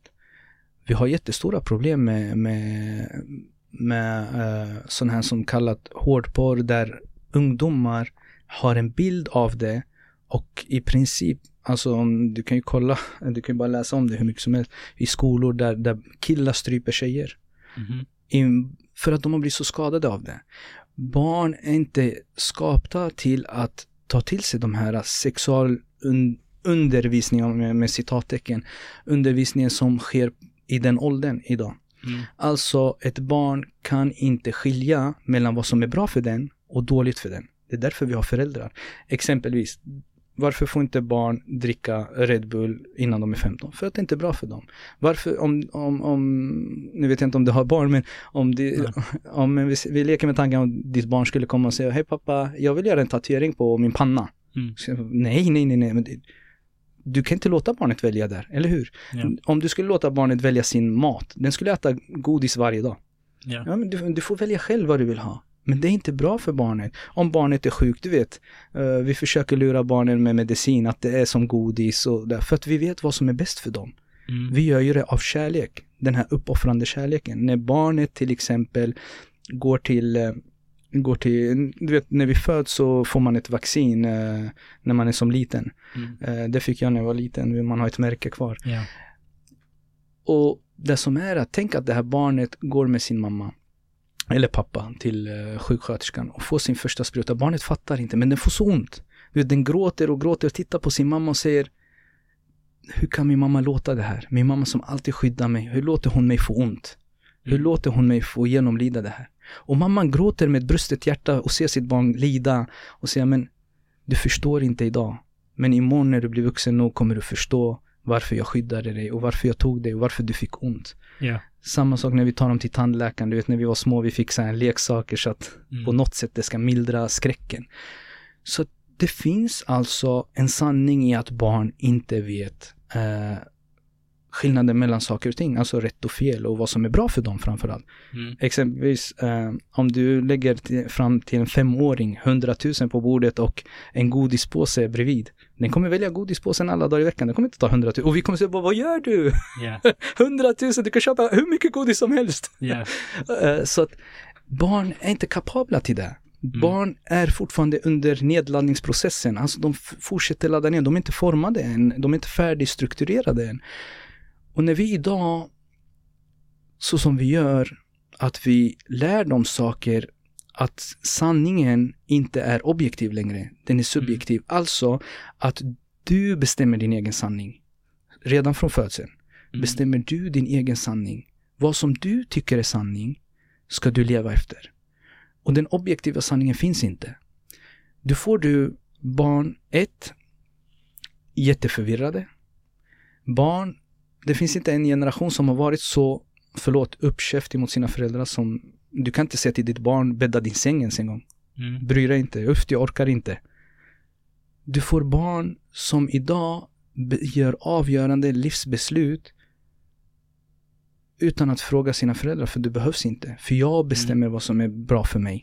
Men nu, nu blir det ju ganska många ämnen på en gång ja. här. För ja, fr frågan var hur hbtq, eh, ja, frågorna kom in i, i, det du jobbar med. Precis. Uh, och porr och mm. uh, tra, vad ska jag säga, könsbyten för mm. ungdomar, det, det är två stora frågor som mm. vi också kan prata om definitivt. Men jag är nyfiken på, ja, är, om, om, vi, om vi börjar med H och B, liksom homo och bisexualitet, är det problematiskt i sig eller hur, hur liksom ser du på det? Ja, alltså kolla så här är det. Uh, för mig, människan är skapad uh, som man och kvinna. Mm. Till man och kvinna är de skapade. Och det är också utifrån tron. Uh, men det finns en biologisk fakta. Vi är skapta till att egentligen fortlöpa oss, alltså producera nya människor. Mm. Eh, annars skulle ju världen ta slut om ingen producerar människor. Och det finns ju ett koncept i att vi faktiskt förökar oss. Mm. Och det har man ju sett historiskt från första människan fram till idag. Vi har alltid förökat oss och ökat i antalet människor. Och hur gör man det? Jo, det finns ett sätt. Det är mm. man och kvinna. Vad som händer med hbtq-samhället, jag har inte ett problem egentligen med vad folk väljer att göra hemma. Men för mig blev problemet när den här ideologin tog sig in i skolan och ska styra vad som är sant mm. enligt dem på våra barn. Som tog sig in i ett samhälle där man hur ska jag förklara det? Alltså, de kom in i ett samhälle där de tog över om att de är offerkulturen. Mm. Vi är hatiska. Vi är de som är dåliga. Och de är offren. Och därav ska vi helt plötsligt omvärdera allting för att det ska passa dem. När jag säger dem så menar jag egentligen hela det här HBTQIA plus-samhället. Det blir så många mm. bokstäver. Och jag, generellt sett, uh, det började med, med HB. Och det är förståeligt. För att idag har vi hamnat i så många ja, som bokstäver som jag nämnt. Att, för det började ju någonstans. Mm. Kolla, det finns ett sätt som jag ser det på. Man och kvinna. Yeah. Punkt. Det finns ingenting annat. Och då kom det här man och man, och, fast det fanns en innan. Ja, är, är det, är homosexualitet ett misstag i så fall, eller hur, hur ser du på det? Hur menar du misstag? Ja, men om det rätta är man och kvinna mm. och det är det som behövs för att arten ska ja, ja. gå vidare. Eh, vad, är, är homosexualitet något eh, som sker av misstag eh, eller något som sker av, eh, för att det är yttre influenser i, i barnens ungdom? Eller hur, hur förklarar man att det finns homosexualitet? Kolla, alltså homosexualitet har ju funnits alltid i mm. princip. Mm. Eller så, så lång, det kan du läsa också i historia, bibel och allt. Mm. Det har ju funnits. Ja, det är fel för att en man och man kan inte producera. Det, vi är skapta till att producera. Uh, sen att vissa kanske inte vill göra det, det är en annan femma. Men, men det jag menar är att konceptet man och kvinna är familj. Och vad händer när du har, alltså du kan ju, du har ju dina sexuella drifter som du kan använda fel. Mm -hmm. Alltså, hur menar jag då? Exempelvis, det är fel att ha sexuella drifter till djur eller till barn. Också att även ha det till sam samma kön. Förstår du hur jag menar? Nu kommer folk säga, ja men hur kan han säga så? Jo men alltså man måste vara ärlig och säga att det finns saker som är fel. Du har en hand. Du är skapad med två händer. Du kan välja att slå folk med dem, men du kan välja att hjälpa människor med dem. Mm. Eller hur? Så du är skapad med två händer. Antingen väljer du att hjälpa människor, eller så väljer du att slå människor med dem. Mm. Förstår du? Så samma sak här, när du använder dina sexuella drifter till någonting som inte ska göras, som går emot självaste biologin, ja men då blir det ju fel. Mm. Så där, därav eh, skulle jag redan säga att homosexualitet är fel. Men det betyder inte att jag älskar dem mindre för det, eller att jag hatar dem. Uh, och det är vad man tror, och det har med offerkulturen som vi kan prata om sen, om att uh, så fort du inte är överens med en människa så betyder det att du hatar dem. Nej, alltså min, alltså, min objektiva sanning är detta och jag står för det. Mm. Tror du folk föds homosexuella? Nej. Hur eh, sker det? Och det här har ju återigen, alltså du föds ju eh, som barn och sen människan har ju sina sexuella drifter. Alltså den föds med känslor, den föds med, med, med tankar och idéer om andra människor. hur du till exempel, ja men, ut, använder dina sexuella drifter. Och därav så ser jag det. Många säger, ja, men, vissa säger, ja, men man föds till det. Jag tror verkligen inte det. För att det här är någonting som du senare kommer med. Fast man säger, ja men jag märkte det som barn och det, ja du kan ha feminina drag till exempel. Du kan ha maskulina drag fast du inte är eh, eh, man. Och, och, men det betyder inte att det, att det är rätt att tro att man är född till det. Mm. Utan saken är att det handlar i grund och botten om att du använder dina sexuella tankar och drifter till fel saker. Så det är ett val? 100% ett val. Mm. Människan, det är det som är så vackert med människan. Människan föds med fri vilja att välja. Okej. Okay. Ja, det är, det är en, eh, vad ska man säga, en, en kontroversiell åsikt. Absolut, och, och, det, och det är det idag. Mm. Det är det idag. Det skulle det inte vara kanske för 50 år sedan. Jag, har, jag skulle aldrig säga att en homosexuell eh, du ska stenas eller du ska dödas eller du, du ska sitta i fängelse. Aldrig. Då, kolla, i slutändan, personen i frågan är skapad i Guds avbild. Så mm. jag älskar den personen lika mycket som jag älskar andra människor. Men det jag menar är att det är inte gott för den. Så som vi säger till våra barn, exempelvis att godis varje dag är inte bra för dig. Eller att vi säger mm. till, till, till barn, alltså när vi vet att en sanning är det rätta och allt annat är fel. Då måste vi kunna säga det och jag måste kunna uttrycka mig där. Varför? För att det är av kärlek jag gör det. Och då kommer jag säga, hur kan du säga så? Av kärlek? Ja, för att jag tror det finns en sanning. Det finns en objektiv sanning. Det finns en tro. Jag tror verkligen att som genuin kristen, att älska min nästa måste också ibland göra ont. Mm. Sanningen gör ont. Och det får det göra, men och det är av kärlek, hur sjukt det än låter, hur orealistiskt det än låter, men det är av kärlek jag gör det här. Så, så, om, en, ens, så om ens barn um, kommer upp i tonåren och visar tendenser att vara attraherad av samma kön, mm. så bör man som förälder, säger du, korrigera det, visa vad det rätt är. Och, och det tror jag, här, här har du jättestort ansvar som förälder. Mm. Att först och främst när de växer upp, växer upp i en trygg familj, att de ser en, en, en genuin kärlek mellan man och kvinna, mamma och pappa. Mm. Det börjar redan där som jag sa, hemmet är en skola. Så det kommer inte ske om hemmet är verkligen en trygghet. Det kommer inte Det kommer ske. inte ske att folk blir homosexuella nej, om hemmet nej. är en trygghet. Om, en hemmet, om hemmet är en trygghet och du, uh, och, och du, er, du erbjuder det här barnet den kärleken den behöver, den tiden den behöver. Jag tror verkligen inte att du skulle hamna i det. För att även om du skulle hamna där skulle barnet veta att det är någonting fel. Mm. Att det här är inte sanningen. Det här är mina sexuella drifter som börjar ge mig tankar som är fel. Redan vid tanken behöver du bearbeta den. Det är därför det är så fint i Bibeln när han säger eh, om otrohet. Han säger redan när du tittar på en tjej så har du begått äktenskapsbrott. Du har redan varit otrogen genom att bara titta på en tjej. Inte mm. rört henne. Vi säger titta men inte röra. Men Jesus tar det till en ny nivå. Han säger eh, bara att du tänker på det. Och det är där det börjar. Det rotas in i din tanke. För att ingen blir homosexuell över en natt.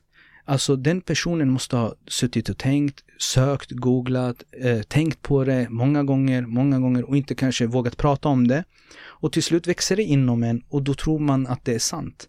Alltså många gånger det finns, om du berättar en lögn till en person tillräckligt många gånger så kommer den personen tro att det är sant till slut. Och det här är ju problemet när du ligger i din säng och börjar fundera på de här tankarna och de börjar rotas in i dig. Till slut kommer du tro, ja ah, men jag är homosexuell, jag är verkligen det. Och då börjar du leva där i skymundan utan att ha pratat om det utan att ha haft vägledning om det och till slut så blir det svårt att ändra det sen. Okay. Så jag ser det verkligen som att eh, faktiskt det, det bottnar inte i att man föds till det utan det är en utveckling som sker under ens liv. Okay. För att vart går gränsen sen? För vi kommer ju gå in, nu har vi börjat med HB, men det mm. kommer ju komma till de andra bokstäverna. För att du ser att gränsen försvinner. Mm. Det finns ingen gräns längre idag. Jo, eh, jag, jag förstår vad du menar, men jag tänker att det också handlar om individer och, och det, det måste inte, bara för att bokstäverna klumpas ihop mm. betyder inte att allt är kommer från en och samma källa om man, om man säger så. Men, men jag tycker det där är väldigt intressant. Det är alltså, det är alltså någonting, homosexualitet är alltså någonting som kommer, yep. som är fel, som man behöver avstyra ifall de tankarna kommer. Precis på samma sätt som, nu blir det också en dålig liknelse, men en tjuv går ju inte att råna banken på en dag. Mm. Det börjar rotas i hans hjärna att ta saker som inte är ens eget. Mm. Och om ingen hjälper till, om inte föräldrarna skulle säga, men vart har du fått den där pennan ifrån? Uh, den har inte jag köpt till dig. Mm. Om du inte säger till barnet, ja men det är bra, slipper jag köpa penna. Och så kommer den hem med en bok. Och sen kommer den hem med en ny cykel. Och du vill inte, du säger, ja men äh, det är väl någons kompis. Du vet, du undantränger din barn, dina barns handlingar. Vad mm. händer till slut? Ja men det är klart det blir större och större och större. Det är liksom, ingen börjar med att råna en bank. De börjar ja. med en cykel förmodligen. Och, och, och, ja. och visst, det är en dålig liknelse, men det, det jag försöker mena här, den är, ja. det jag försöker mena här är tanken. Ja. Det, den börjar här uppe, alltså i hjärnan. Det där, det som är fel vi gör i våra liv, det börjar alltid i hjärnan. Mm. Alltså, det jag menar är nu, att det börjar redan i den tanken när du börjar, den börjar ta rot och den börjar eh, sättas fast i din hjärna, då börjar du leva ut den. På samma sätt en tjuv, den börjar i hjärnan. Mm. Och sen går den till handling. Och där ser vi fel. Alltså för oss, problemet är inte om du är homosexuell, problemet är att när du utövar din homosexualitet, där är felet. Mm. För att man och kvinna är skapad till varandra för att skapa en familj. Det har varit det sedan dag ett. Idag är det den sexuella lusten som tar över egen kärleken. Jag ska njuta mer än att eh, vad som är rätt. Och därav eh, skulle jag säga att den börjar redan i tanken och den sker inte i födseln. Du föds inte med de tankarna. Mm. Det är intressant. Jag, eh, jag, jag, tror att det finns med från födseln. Jag, jag tror att det är no, någonting som man upptäcker att man är i, i mm. tonåren när, när de tankarna börjar väckas oavsett vilken sexuell läggning man har. Precis, och skulle du då, vi kommer gå in på det mer, men då skulle, eh, förlåt, men då skulle kunna pedofiler säga samma sak, nekrofiler kunna säga samma sak, att det inte är deras fel att de, mm. de har sexuella drifter mot barn. Vad jag förstår så är det faktiskt så att pedofili är en sexuell läggning. Att det är någonting eh, att, att de kan känna ett starkt, en stark luft efter barn i en viss ålder. Exakt. Sen vet många att det är fel och väljer att uh, ta, mm. vad heter det, sån här uh, hämmande mm. mediciner, eller man ska säga, eller hålla sig borta. Men att de bara upptäcker det i tonåren, precis som alla andra, mm. att det där är vad de är attraherade av. Och, och, det här är ett problem. Varför? För att vad händer härnäst? Mm. Vad kan man födas mer som? Mördare? Mm. Kan man födas med hat? För att det här är ju idéer, alltså det är ju tankar. Är, vi kan inte bara titta på det sexuella utan även handlingar som du gör, sanningen. Mm. Okej, okay, men jag är för, vi kommer säkert komma fram till det, men hur, vart går gränsen? Mm. För att om du kan födas till homosexuell, då måste du kunna födas till alla andra också. Men det, den stora skillnaden är ju att ett barn kan inte ge samtycke. Så om någon, för, om någon har eh, pedofili som sin sexuella läggning, då kommer det aldrig vara acceptabelt att mm. eh, agera på den. Medan som två homosexuella män vill ha sex, vem ska, alltså vuxna män, vem ska ha något att säga till om det? Och då är frågan, vem bestämmer när ett barn har, har rätt att uh, tycka? Uh, när den anser att det är rätt. Är det vid treårsåldern? Är det vid 18-årsåldern? Det är ju människan som sätter den åldern. Mm. Till exempel om du åker till andra länder, uh, vi säger eh, Nordamerika, där har du ju nere vid 12 år. Så där kan du byta kön redan vid, vid 12 års ålder. I, mm. och, och vad händer då? Är det rätt? Är det 12 år då du kan bestämma? För kan en 12-åring bestämma vilket kön den vill vara, då ska den ju mm. kunna bestämma vem den vill ha sexuellt samtycke med. Och, ja. och, skulle det komma då en, en pedofil som är 60 år och säger, ja men jag köper till dig en ny iPad och en ny iPhone, men låt oss bara mm. ha roligt. Du får det du vill ha, jag får. Barnet, det är dens kropp, den äger sin mm. kropp. Då kan den säga, ja men jag gör det. Nej, jag, jag, tror absolut att det finns krafter som pushar åt det här hållet. Jag, mm. jag tror att det finns tyvärr många som vill mm. för att vad ska man säga, för, för, för, sina egna vidriga begärs skull så vill de pusha ner den här gränsen för samtycke och så vidare. Det, det, det har alltid funnits mm. folk som vill göra det och kommer alltid finnas, tyvärr. Och, och då är min fråga varför, var, jag är inte för det alls, du, det vet du ju, men mm. varför ska vi människor, då vuxna, bestämma åt andra vilken ålder mm. eh, de ska bestämma det, när vi ändå går ner i åldrar med sexualundervisning. Alltså, mm. vem är vi som ska bestämma åldrar till saker och ting? Till exempel Red Bull, alkohol, mm. eh, körkort. Varför bestämmer vi det? Jo, för att vi vet att ett barn som är 14 år inte ska köra bil. Mm. På samma sätt vet vi idag att barn som är 14 år, eh, en vuxen ska inte kunna utnyttja dem sexuellt. Mm. Men då är frågan, vart går gränsen? För att då måste vi, vi också kunna säga det är fel med till exempel homosexualitet. För att själva konceptet, låt mig säga så här, konceptet homosexualitet, teoretiskt sett, om alla skulle bli det så existerar inte världen längre. Människan i alla fall. Mm. Den dör. Alltså teoretiskt sett är den mot det naturliga. Teoretiskt sett, konceptet homosexualitet är mot det naturliga. Alltså, natur, teoretiskt, om alla blir homosexuella så kan inte människan existera mer. Och det här vet djuren också om. För att om inte djuren skulle fortlöpa sig, alltså fortöka sig, så skulle vi inte ha den sortens djur kvar. På samma sätt här, så konceptet, förstår du vad jag säger här? Mm. Konceptet homosexualitet är fel på grund av att den är utrotningshotad mot mänskligheten. Nu låter det väldigt starkt, mm. men det är sanningen för att om du går i djupet, om alla skulle teoretiskt var homosexuella skulle världen inte kunna fortlöpa sig. Teoretiskt sett, om alla skulle vara heterosexuella skulle världen kunna fortöka sig och fortsätta leva. Så det finns en som är mot naturen i sig själv, för ex människans existens. Och så finns det en som gör att människan existerar än idag. Mm. Vi, jag och du sitter här på grund av att det finns ett heterosexuellt par som har fått oss hit. Ja. Men, men vi, vi nämnde ju det förut att homosexualitet har ju alltid funnits. Alltså alltid funnits, alltså om, eh, om jag tar det från mig själv, om jag tror ju på till exempel första människorna. Jag tror inte de var det, hade de varit det så hade det inte varit det här idag. Men eh, om, okay. man, om man tar det som att så länge vi minns, alltså vi vet ju i alla fall tusentals ja, år tillbaka. Så, så länge som vi har skrifter så, ja. så har det varit ett fenomen mm. som existerar, både bland människor och mm. djur. Så jag, jag är fortfarande konfunderad över hur det kan vara onaturligt när det har funnits som en del av vår naturliga värld så länge? För att människan har fötts med sexuella drifter. Mm. Alltså människan, som jag sa till dig, första människan skapades med armar och händer. Han kunde ju slå, nu om man tror på konceptet Adam och Eva. Yeah. Adam skulle ju kunna slå sin fru och inte skaffa barn med henne. Men han, han valde inte att göra det. På samma sätt, alltså du har dina sexuella drifter till att använda dem så som du ska göra, så som människans existens handlar om. Eller så använder du dem till egen njutning.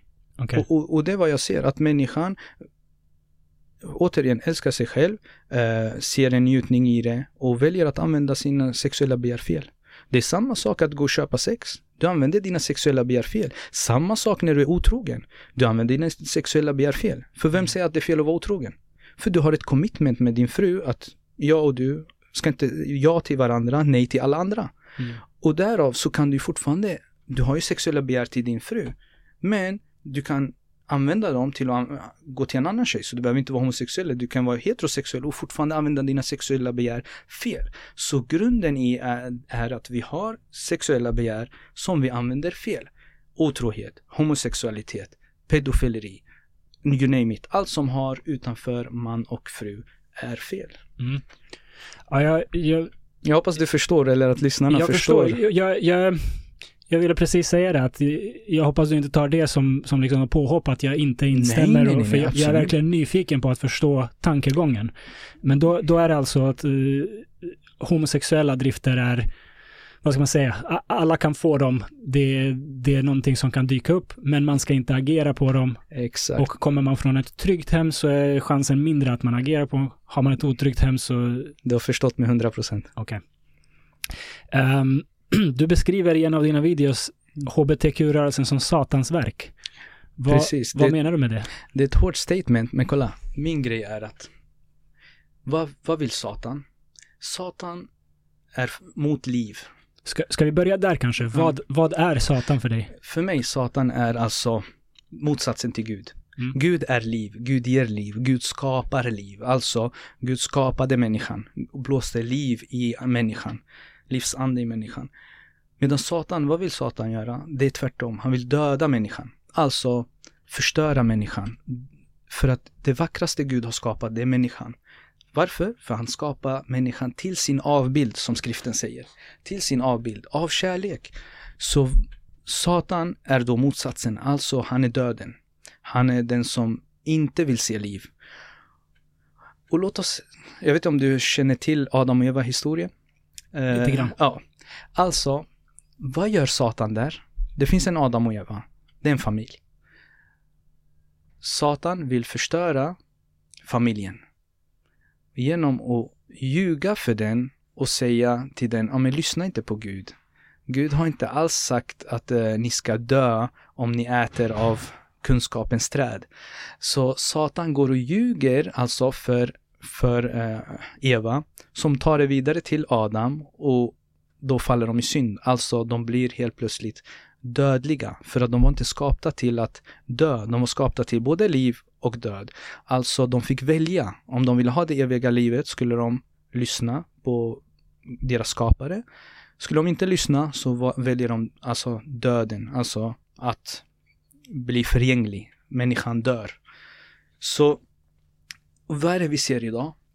Vad gör alltså Satan? Därför jag ser det som Satans verk. Det låter väldigt kraftigt. Det är inte för att man hatar dem, utan det har med att det går emot konceptet liv. På vilket sätt? HBTQ säger till oss idag, lyssna inte på den traditionella familjen som ni har lärt er. Kolla, lyssna på vad ni vill. Ni kan göra exakt det ni vill. Välj inte det som ni har hört från Gud. Och vad händer? Vad händer? Vad är, som jag sa, konceptet homosexualitet? Du kan inte skapa liv. Alltså, du kan inte få barn. Vad händer när du förstör den traditionella familjen? Vad händer idag? HBTQ-samhället, det är det nya preventivmedlet. På vilket sätt? Du får kontroll över att inte skaffa barn. Som jag sa förut, vi får mindre och mindre barn. Vi får mindre och mindre familjer, de traditionella familjerna. Vi ser mer och mer skilsmässor. Vi ser mer och mer familjer splittras. Det här är vad Satan vill. Jag säger inte att människorna som är hbtq-människor är Satan. Det säger jag inte. De är skapta i Guds avbild. Men jag säger själva idén, tankarna som kommer, är inte goda. De är onda tankar. De är dåliga tankar. På grund av att den dödar den fam familjekonceptet, mamma, pappa, barn. Den dödar den. Därför säger jag att den har fått in oss att få de här tankarna. Men vem har sagt att det ska vara mamma och pappa? Vem har sagt att det ska vara man och kvinna? Utan varför kan du inte leva ditt liv, du som man med en annan man? Bry dig inte om barn. Okej, okay, om du vill ha barn, adoptera. Eller till exempel, förlåt men abort, det är samma sak där. Vi kallar det abort, vi klär det i fina namn. Vi klär hbtq i regnbågens färger. Kolla vad vacker och kallar det kärlek. Det är inte kärlek.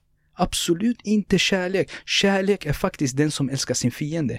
HBTQ, om du tittar på intervjuer som har gjorts med människor som har ångrat sig, de blir mobbade, de blir hatade. Ångrat sig? Alltså uh, till exempel från att ha varit, ändrat kön till exempel, mm. eller från att varit homosexuell och gått tillbaka till uh, vara heterosexuell. Mm. Därav är en av anledningarna till att jag tror inte man kan födas till det, för att det finns faktiskt folk som har blivit det och gått tillbaka till det. Uh, så vad händer här? Du har ett, du har ett krig, ett andligt krig mot alltså familjekonceptet. Alltså till man och kvinna skapade Gud dem, vilket första kapitlet i Bibeln säger. Till man och kvinna skapade Gud dem till sin avbild. Och då finns det ju som sagt onda tankar idag, dåliga tankar som vill förstöra det här. Mm. Och det är vad vi ser idag. Så människorna i sig själva inte Satan, så de får inte tro att jag pekar på dem som Satan, men jag menar deras tankar och idéer är inte kärleksfulla som de tror. Att alla ska älska alla, det visste vi sedan redan. Jesus på korset säger förlåt dem, de vet inte vad de gör, de som korsfäster honom. Jesus säger älska din fiende. Jesus säger hjälp de fattiga, mata de hungriga. Alltså konceptet att älska alla finns redan innan HBTQ. HBTQ är en sexuell begär, alltså det, du utnyttjar ditt sexuella begär och klär in det i regnbågens färger och kallar det kärlek. Det är inte kärlek. Se, alltså sex och kärlek hör ihop, men de är inte samma. Det är inte samma. Mm. För du kan faktiskt ha sex utan att älska. Men att älska och ha sex, det är det som är det rätta. För du skapar ett liv, det kommer ett barn. Jag tror, det finns ingen mamma som föder ett barn eller pappa när de får sitt första barn eller andra barn. Inte ser glädjen. Du vet, de brukar säga nu, nu, jag är ju man så jag kan inte skaffa barn eller få, få föda.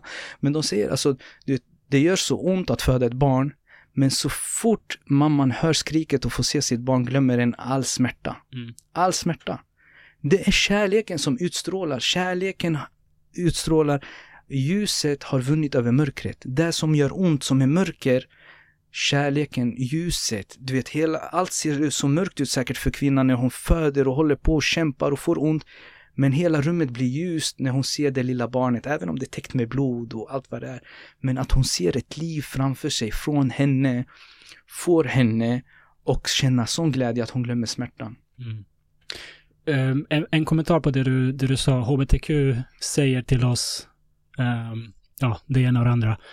När, när du säger det på det sättet så låter det som att det är en liksom, styrelse av HBTQ-människor som sitter och bestämmer det här. Men HBTQ är ju en paraplybenämning för så många olika människor som har så många olika mål. Jag menar, för, för den, i en stor del av världen och under många år, årtionden så har hbtq-rörelsen handlat om att ge folk rättigheter. Mm. Att, att, att, in, att det inte ska vara olagligt att vara homosexuell, som det fortfarande är i vissa länder i världen. Mm. Uh, så många har kämpat för sina rättigheter.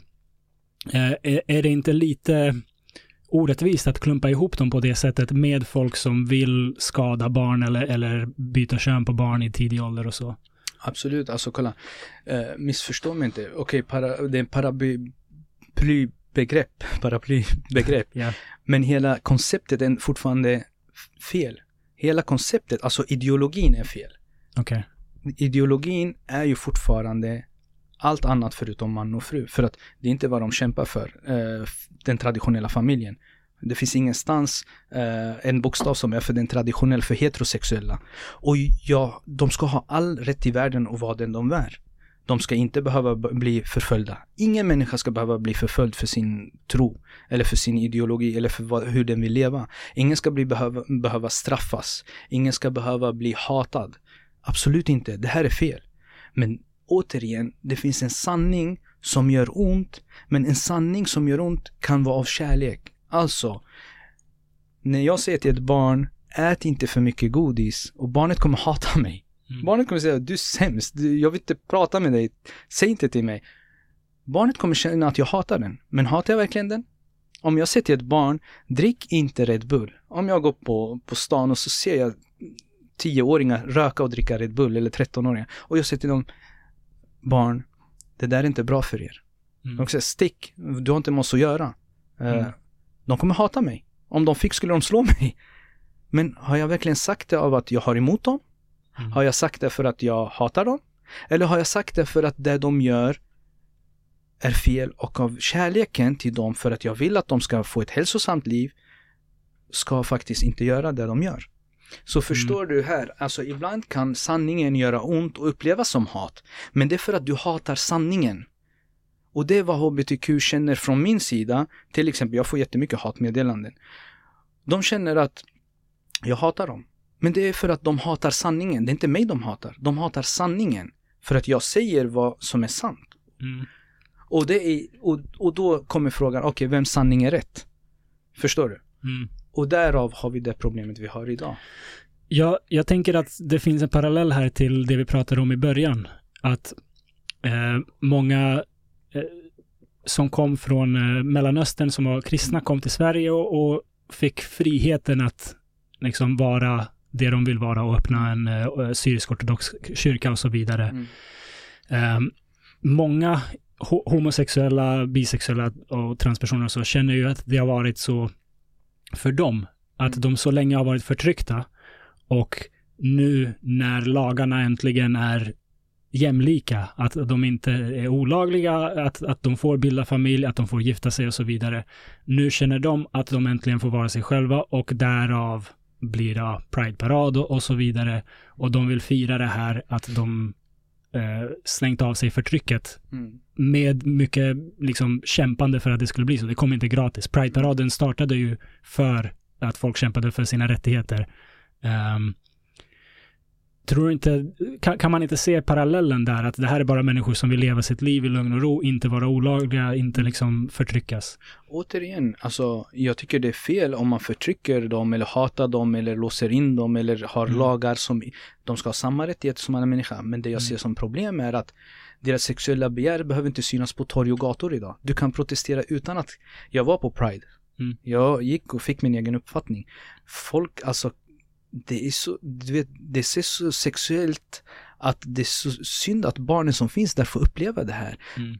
Om kärlek behöver inte uttryckas i, hur, i, i, i sättet du visade sig. Alltså, du hade män som gick med, med hundkoppel. Mm. Uh, du hade alltså människor som piskar varandra, människor, du vet. Det var bara sexuellt. Kärlek, vet du vad kärlek hade varit? Mm. Om du hade gått och hjälpt de behövande. Vi har 33 000 hemlösa i Sverige. Det är kärlek. Gå och hjälp dem. Gå och hjälp dem. Visa, du som homosexuell eller hbtq-person, kärlek är att faktiskt offra sig för andra människor. Det är sann mm. kärlek. Sann kärlek är inte det sexuella du visar. Det, det får du göra hemma. Gör vad du vill i ditt hem. Men mm. tryck inte på det på våra barn och på våra gator för att det är inte sanningen. Det är inte en ideologi av vad kärlek är. Jag, jag har också kritik mot hur Pride-festivalen ser ut idag och, och, även att saker som BDSM-kurser ska göras i samband med det på stan. Jag, jag, jag, kan också tycka att vissa inslag av Pride inte hör hemma mm. ute i, i, på gatan liksom. Men det jag menar är att, att klumpa ihop det tillsammans med de som faktiskt bara försöker leva sitt liv och, och komma ifrån förtryck. Uh, och kalla hela rörelsen mm. satans verk. Att mm. det, det känns lite förenklande. Att det, det, och, ja. och det som jag sa tidigare, det finns två koncept.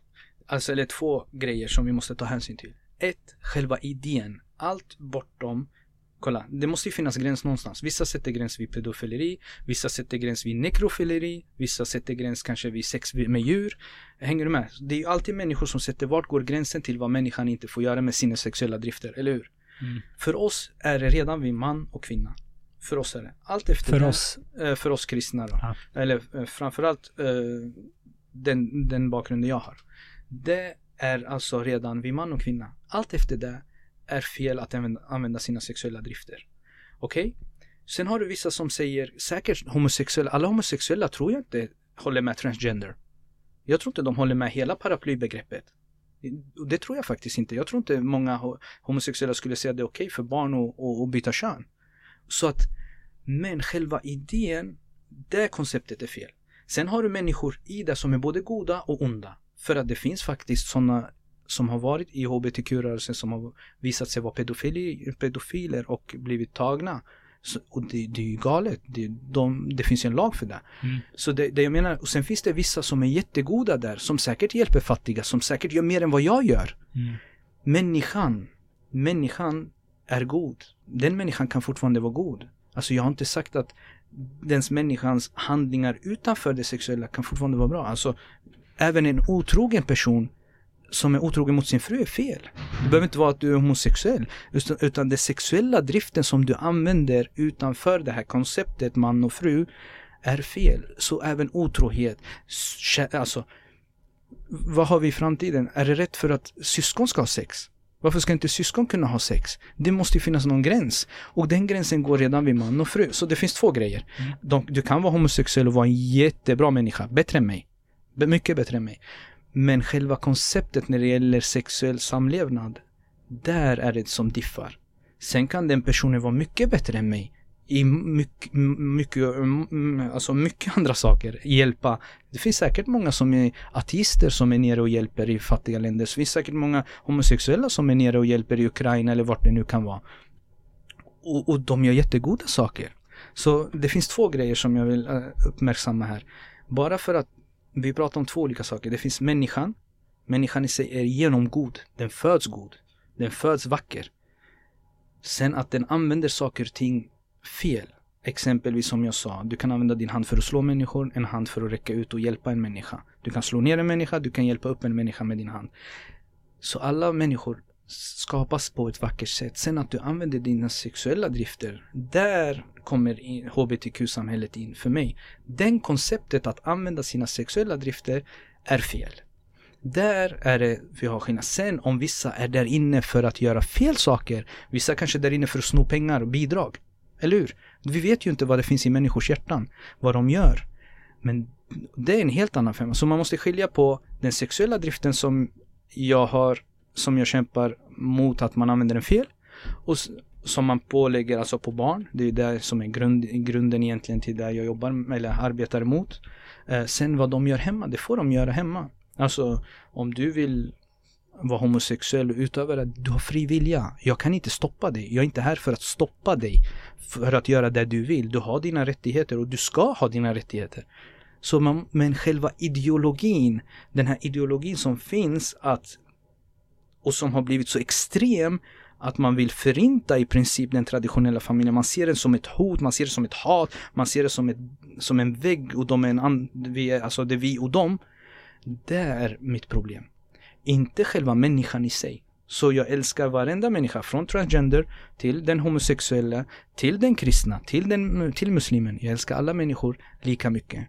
Som jag sa, jag har, när jag hjälper till exempel eh, hemlösa i Sverige, alla är inte heterosexuella.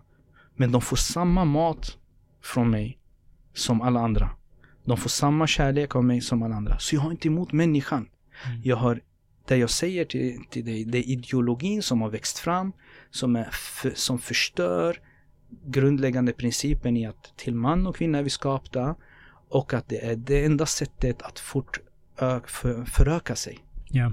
När, när rörelsen var fokuserad på att um, skaffa rättigheter mm. till homosexuella och så vidare, var den då fortfarande god för att den kämpade emot förtrycket som vi såklart inte vill, som, som du nämnde att ingen förtjänar.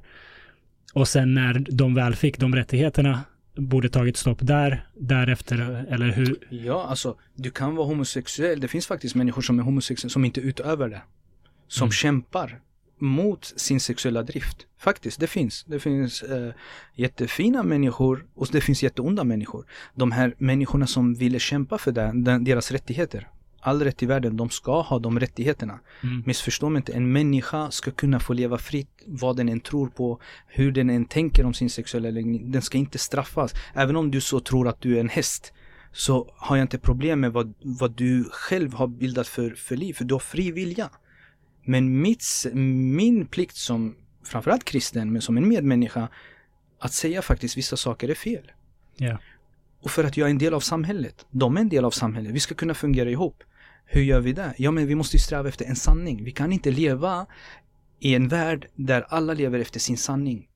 Och vilket vi ser idag. För att det finns ingen gräns för vad sanning är då. Och därav kan vi se nu HBTQIA++. Återigen, vad jag vill säga. De som kämpade, alltså att svara på din fråga. De som kämpar för sina rättigheter. De ska inte ens behöva kämpa, det ska vara en självklarhet. Mm. Det ska vara en självklarhet jag håller med om att alla ska ha samma värde, samma rättigheter. Ingen ska bli, behöva bli förföljd för vad den tror på eller vad den är. Utan alla ska kunna leva som de vill i sina hem. Även alltså när de är på arbetsplats eller vad det nu är. Men det jag menar är själva idén, konceptet HBTQ som den är idag, som den påverkar samhället, som den påverkar våra barn, är bortom sanningen. Mm. Eller tyvärr, det, tyvärr att det har blivit så. För att jag skulle, det är det vackraste som finns när jag, när jag ser en familj på McDonalds eller kommer in på ICA Maxi eller vart det är. Tillsammans handla, tillsammans älska varandra, tillsammans få ett barn. Alltså tänk glädjen som finns på alla BB där en pappa sitter med, eh, eh, håller sin frus hand och kämpar igenom den här smärtan och till slut kommer det en bebis fram skrikandes och, och, och det blir sån glädje. Mm. Det blir sån glädje. Så att det är vad jag, alltså jag ser ett liv så vackert. Jag ser att det här är vad mitt liv handlar om. Att offra mig för att människan ska kunna få det här livet. Det här, alltså vi ska inte förstöra den här vackra familjen som vi är nämnda till att vara. Och därav, återigen, jag har inget emot vad de gör hemma. Mm. Men, när det väl, men ideologin, idén de har, är fel. Och, mm. och, det, och det tycker jag, och de tycker säkert att, vissa av dem tycker kanske kristendomen är fel och det är okej. Okay. Det är okej okay att vi tycker olika. Men vi måste ändå respektera varandra. Och det, och, och det tror jag är jätteviktigt, att vi alla har våra rättigheter. Mm. Vi måste respektera varandra. Mm. Jag, kan, jag kan tänka mig att många tycker att om man säger att deras rörelse är satans verk, att de inte känner sig respekterade. Absolut. Och, och, och därav, alltså, kolla. För, för att Satans verk behöver inte betyda att jag hatar dig. Nej. Det behöver inte betyda att jag inte respekterar dig. Eller hur? till exempel, alltså om Alltså, vi ser nu, jag skulle kunna säga till alla rika människor att jag hatar dem för att de inte hjälper fattiga. Det, det är fel. Jag respekterar dem, jag, jag, älskar dem, jag respekterar de människorna, men vad då skulle inte eh, fler rika människor kunna hjälpa? Det finns så många rika människor som skulle kunna skänka till behövande och hjälpa. Jag hatar inte den som inte, till exempel, jag har, som, jag har jättemånga följare när jag åker ner. Det är inte alla som bidrar med pengar. Tror du jag respekterar dem mindre? Tror du jag hatar dem mer? Tror du jag älskar dem mindre? Nej. Fortfarande. Samma, alltså den som är med, du har fri vilja. Jag älskar dig, jag älskar dig för den du är. Om du vill ge bidrag, ge. Om du inte vill, det förändrar inte min kärlek till dig. Samma sak om, om du skulle säga imorgon till mig, ja men äh, jag är homosexuell eller jag ska byta kön. Det förändrar inte min kärlek eller respekt till dig. Men själva idén, idén som finns idag, jag är inte med på den. Mm. Och det måste jag få säga för att det är mot sanningen. Mm. Ja, jag håller uppenbarligen med, annars hade du mm. inte suttit där. Ja. jag tycker, tycker alla ska få säga det de har att säga mm. och bli hörda, bli, bli lyssnade på. Sen eh, behöver man inte hålla med varandra, men man kan ändå respektera varandra nog för, att, för att prata om det. Um, alltså även om, även om någon person skulle säga, men äh, jag snodde 100 kronor, äh, jag skulle säga det är satans verk. Mm. Så det har inte bara med, med, med hbtq att göra. Mm. Allt som är ont, alltså allt som är fel, alltså om någon sa, men han, eh, de, de där personerna, de tog 100 kronor mig, jag slog, så jag slog sönder dem. Mm. Jag skulle säga, det där är satans verk. Du mm. ska inte slå. Varför ska du slå? Det, det, är inte rätt. Alltså om de har gjort fel kan du inte svara med någon, ett annat fel. Det är därför jag menar ibland, eh, folk, alltså de, det där är gamla öga för öga, tand för tand. Det har vi gått ja. bort om. Älska din fiende här idag. Och därav menar jag på att de, du vet, de, den här offerkulturen som finns idag gör att han hatar oss, han är emot oss, han är... Och man får en felbild av det. Nej, alltså på samma sätt, en, en otrogen man, det är också satans verk. En otrogen fru är satans verk. Barn som snor, det är satans verk. Uh, en som rånar bank, det är satans verk. Ja. Det är ett paraplybegrepp. Allt mm. som har med ont att göra, alltså allt som är fel moraliskt, uh, är satans verk. Mm. Okej, okay, så, så man kan säga att sat, Satan är det eh, onda. det on, eh, precis, mm. en, en eh, abstraktion för det ja, onda. Lögner. Alltså om jag ljuger för dig, det är Satans verk. Mm. Så, en, eh, så, så enkelt. Förstår du nu? Alltså det är inte, det är deras ideologi. Mm. Den är faktiskt fel och den är ond mot eh, den traditionella familjen. Så som jag ser det idag. Och jag tror många, det är därför vi har blivit, det har blivit så stort. För att man börjar se att det har börjat, alltså det går ju över gränsen. Ja, jag eh, förstår vad du menar och jag, jag förstår eh, varför du säger att det är mot eh, traditionella familjen. För det är ju per definition inte en traditionell familj eh, om, om traditionell familj ses som man och, man och kvinna, mm. mamma, pappa, barn. Um, frågan är hur, hur ser du att det är emot det? För jag kan också se som, jag kan också se det på att två homosexuella, jag råkar vara heterosexuell, mm. de, de, kan vara homosexuella. Hur påverkar de mig? Jag menar, de kan väl leva sitt liv, jag kan leva mitt liv.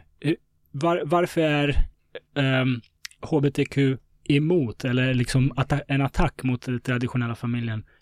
kan man inte bara se det som att det finns folk som vill leva på det sättet, det finns andra som vill leva på det här sättet och de kan båda samexistera. Kolla, vi tar Sverige som ett exempel. Ja.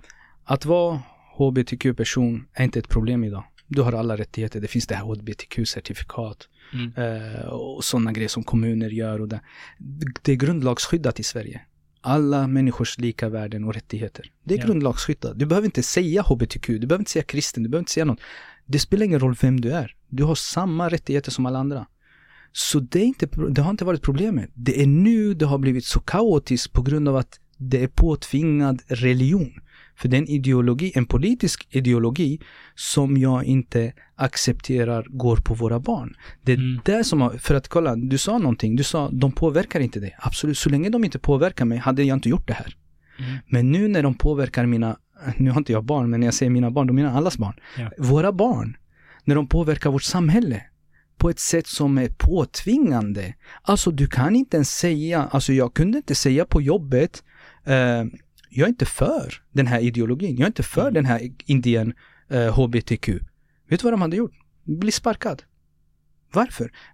Och säger att jag, jag, jag fick tillsägelse av min chef för att jag hade kristet budskap i mitt rum, i mitt kontor. Jag hade, alltså, jag hade ett kors till exempel. Eh, ta bort det. Det, är, det. det får folk att känna sig otrygga. Mm. Men hör du, okej, okay, så helt plötsligt ser du vad som händer. Och det är det här som gör mig väldigt illa till mots när jag ser det här konceptet komma in i skolan. Mm. Vi har tagit bort religion från skolan i princip. Barnen lär sig inte tio budorden ens en gång. Men de ska lära sig att de får välja kön. De ska lära sig... Det började med stopp min kropp. Jättefint. Men nu har det gått till du ska välja uh, vara herre över din kropp. Men en fyraåring vet inte.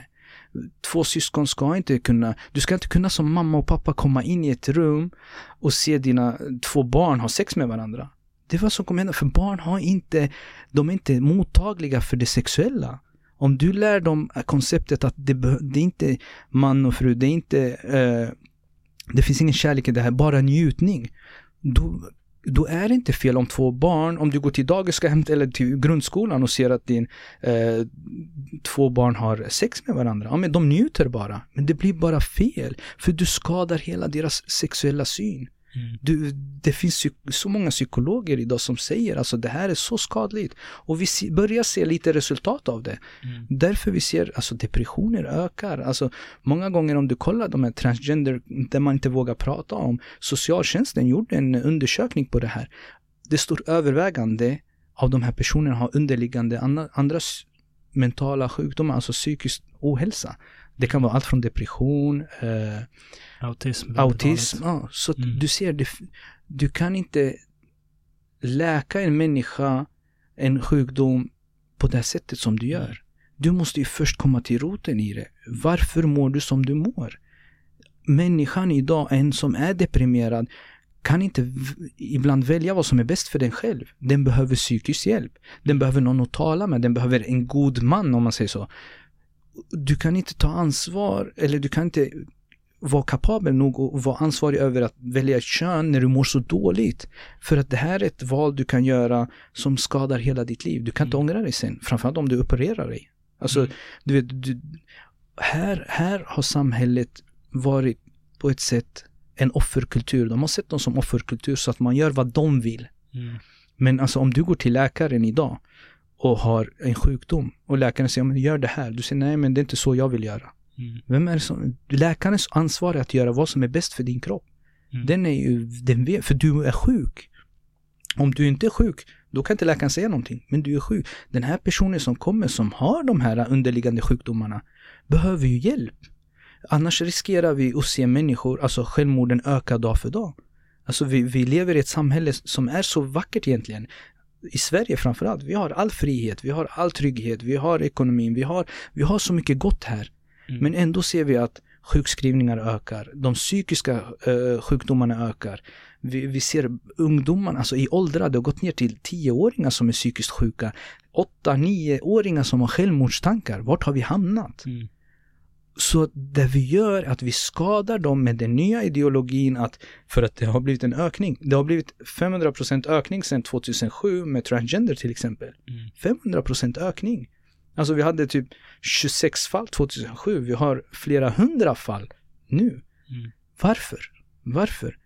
Blir jag inte sedd? Människan mår dåligt av att inte bli sedd idag.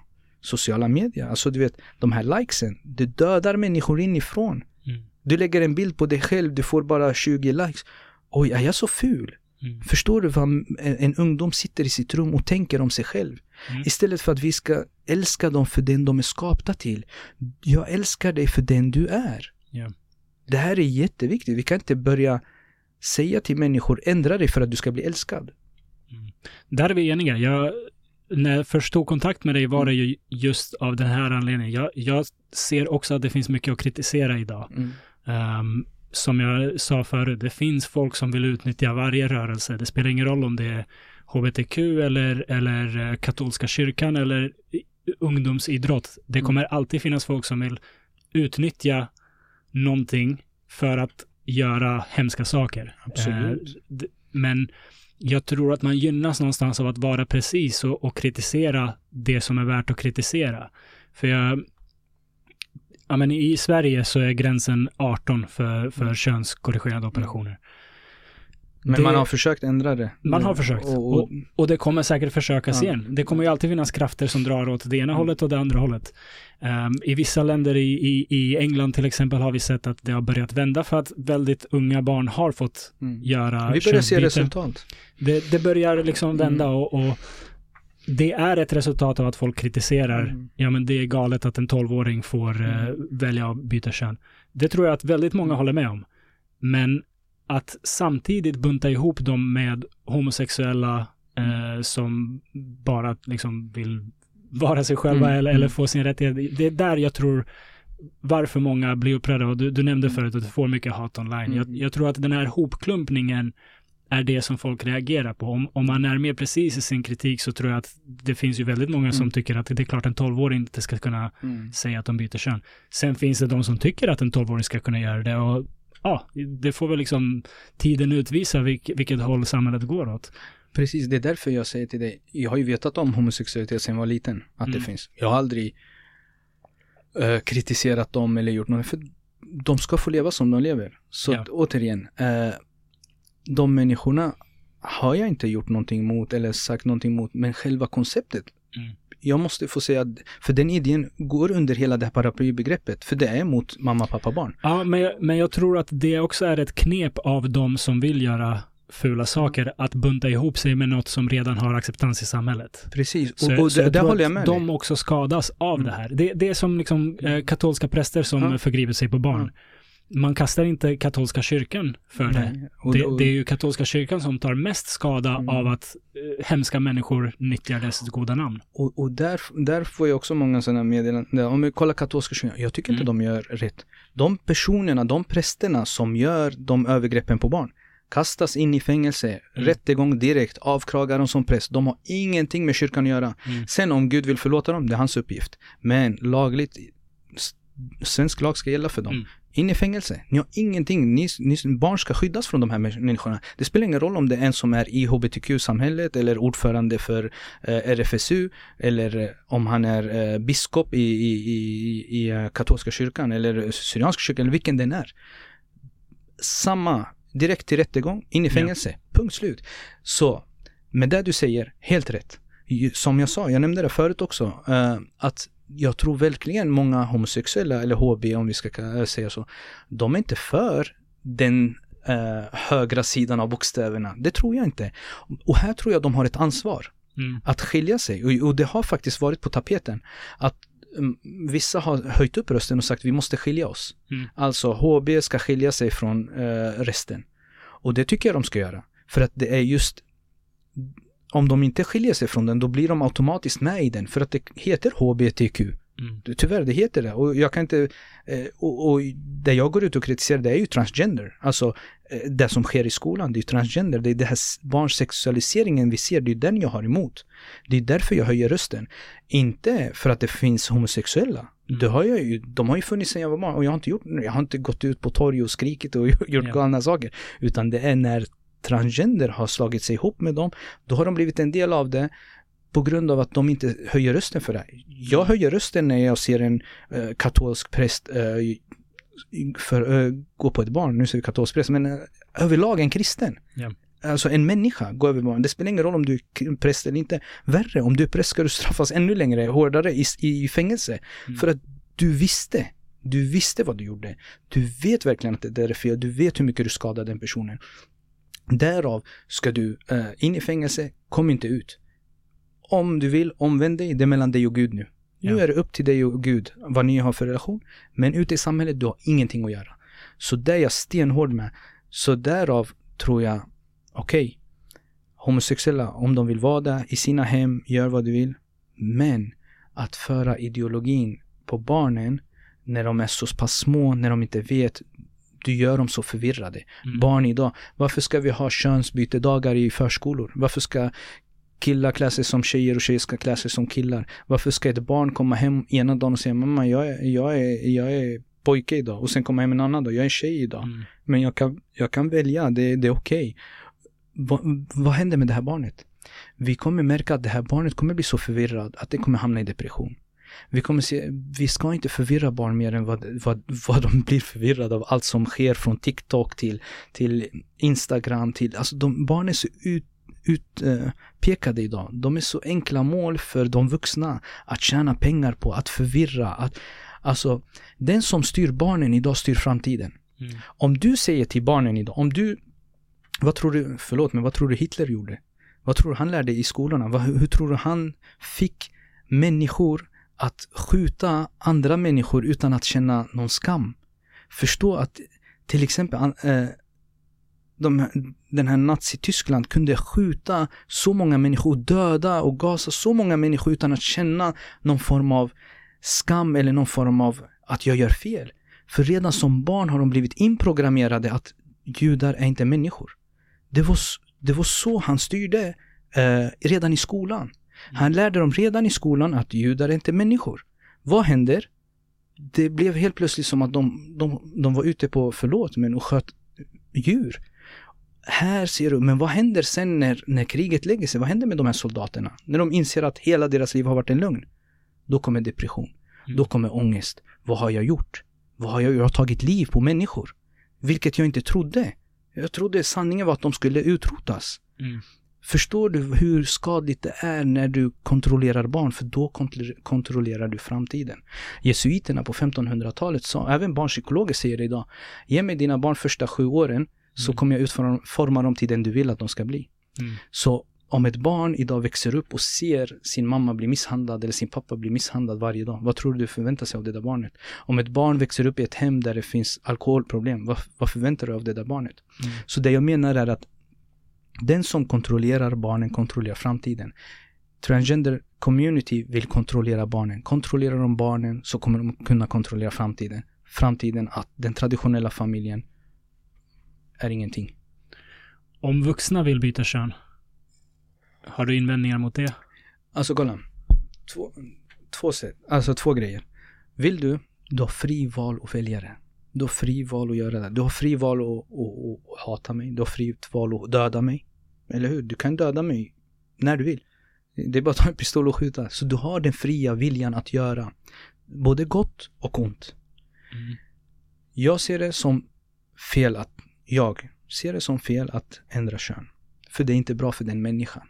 Vill de göra det, varsågod och göra det. Alltså jag kan inte stoppa dig. Det finns en gräns. Jag kan säga till dig att det är fel. Det är inte bra för dig. Kan jag hjälpa dig med något annat? Kan jag ge dig min kärlek på ett broderligt kärlek?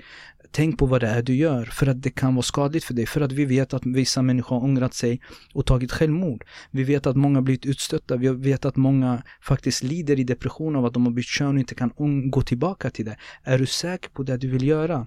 Ska du verkligen göra det? Av kärlek kan jag säga till den personen. Om den personen säger nej, jag är 100% säker att jag kommer må bättre. Gör det. Mm. Men gör det för din egen bekostnad. Säg inte till mig att staten ska betala de här grejerna. För det är också en grej som, när, det fin- när jag ser hemlösa, när jag ser människor som, som, som dör i nöd av hunger och så lägger vi pengar på sådana här grejer. Eh, det är galet för mig om du är så kallade född i fel kropp, om du känner det, då är inte kroppen ett problem. Då är inte kroppen ett problem, för det är upplevda känslan som är det viktiga, att du ska bli sedd som det andra könet. Fine, jag kommer inte kalla dig andra könet. Det, jag vill inte spela, det finns, jag anser, du vet, du lever i en illusion. Du lever i en din kropp är vem du är. Mm. För att vad är det som gör att du känner att du är en annan, du är född i fel kropp? Vad är det som är född i fel kropp? Din hjärna? Din tanke, ditt hjärta. För vad är det som är född i din, i din kropp som är fel? För att om det är någonting inuti dig, då spelar inte utseendet någon roll. För vi vet, idag kan du inte ens säga vad är en kvinna, vad är en man. I framtiden kommer vi fråga oss, vad är en människa? Mm. Så att om du inom dig själv, din hjärna, säger till dig, du är fel, född i fel kropp, du är för, vem är det som säger, det är din hjärna, det är dina tankar, det är din illusion. Alltså människor kan leva i en illusion. Och det, det, kan vi se, människor väljer att vara djur idag. Och att jag ska acceptera den illusionen, nej. Vill du vara, vill du ändra, gör.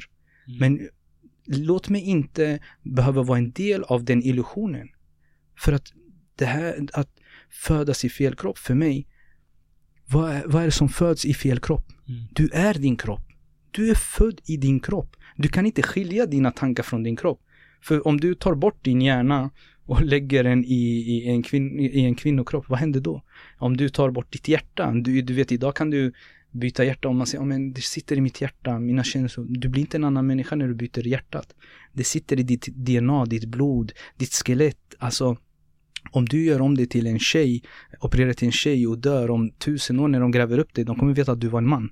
De kommer inte veta att du har bytt kön. De kommer inte veta eh, vad, du, vad du hade för religion, vem, vem du var, vad du tyckte om, eh, vilket lag du hejade på. De kommer veta en sak, om du var man eller kvinna. Så det sitter i vårt DNA, det sitter i oss. Du kan inte särskilja mellan vem du är med din kropp och din, dina tankar. Mm. Det finns inte. Det, det, är en, det är en illusion. Det, könsdysfori, den, den känslan att man är i, född i fel kropp, den, den har ju funnits länge. Alltså ja. individer som upplever det har ju funnits väldigt, väldigt länge.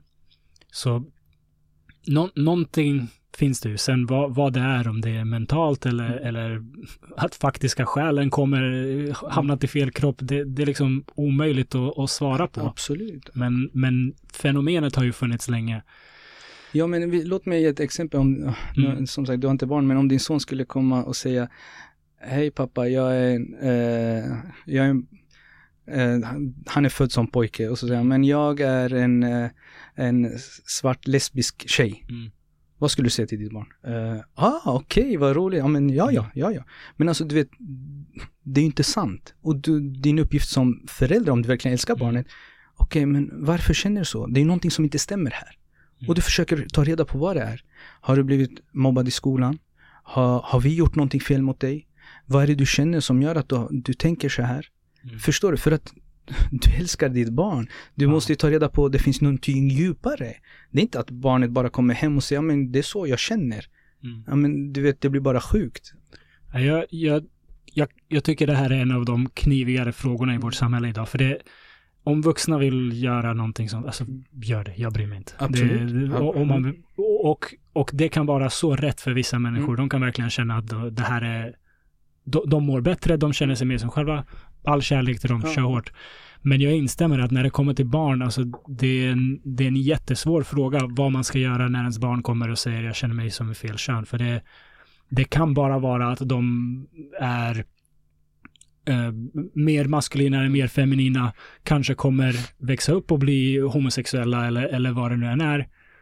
Och ska man då som förälder bekräfta det eller, eller jobba emot det? Det, det är en väldigt svår fråga. Jo, men det är en självklarhet. Och det är den här offerkulturen som har gjort det, att vi har tagit in det i, i, i skolan. Alltså, jag kan inte gå till Barcelona och säga, men jag är Messi. Uh, låt mig spela. Nej, alltså, uh, vad, vad kommer, de kommer bara skratta åt mig. Alltså, du vet, det finns en illusion. Jag kan säga hur mycket jag vill, jag är Messi. Jag, jag anser, har, har du tittat på Idol? Kolla dagens ungdomar på Idol. När de får ett nej, det var en tjej, hon, hon var så rolig. Hon, hon sa till juryn bara, de sa nej alltså, du kan inte sjunga. Mm. Vem är ni som ska bestämma om jag kan sjunga eller inte? Fråga alla mina kompisar, de säger att jag är bäst, eh, mm. bästa rapparen i förorten. Men yeah. alltså, ser du vad som händer? Mm. Men alltså, du har en expertpanel. Du har de som vet. Och samma sak, du som förälder, ser till ditt barn vad som är rätt och fel. Det måste du, alltså, ta bort det här sexual eh, den här påtryckningen. Barn är inte, deras hjärna är inte utformad för att ta emot den informationen. Det är därför mm. det finns, biologiskt, det finns en pubertet.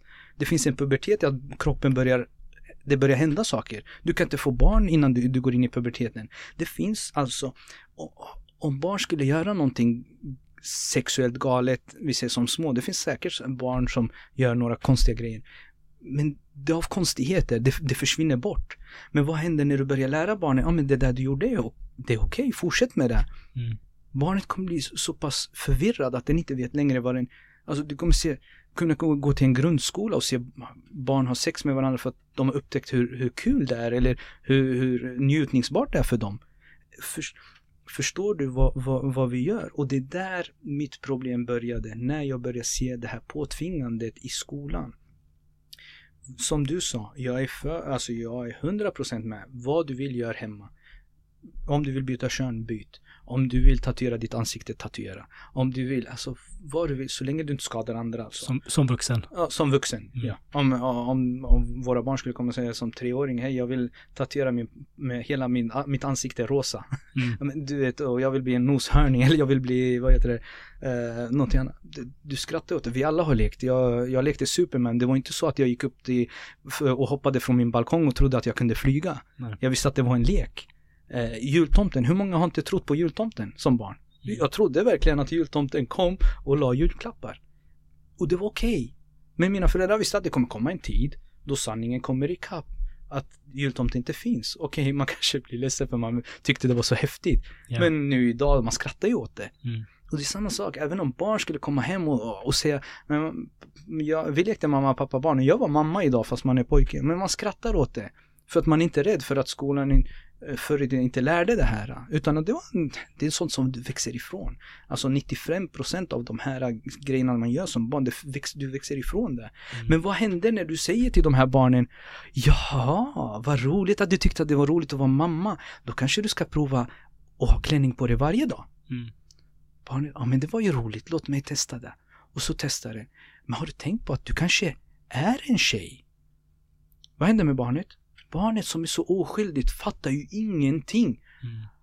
Ah, min lärare sa ju, min lärare är ju för att lära mig. De lär ju oss allting, så ja, ah, kanske. Och så går man till sina föräldrar och säger och föräldrarna kanske säger nej men nej min son vad, vad säger du för någonting? Nej men alltså jag har känt så ett tag och min lärare har sagt att det är normalt, det finns andra. Och vad har du gjort med barnet? Du har klyvt barnet från sin familj. Mm. Barnet och föräldrarna har ett problem nu. Som är skapad av en ideologi som du inte ens... Den är inte sann, men du vet själv inte ens att den är sann för att den är så pass ny, konceptet, det som sker nu. Varför ser vi en sån ökad trend på det här? Varför? I samband med all depression som sker. Människan vill bli sedd idag. Blir inte barnet sedd hemma, den blir sedd någon annanstans. Får inte barnet kärlek hemma kommer den få kärlek någon annanstans.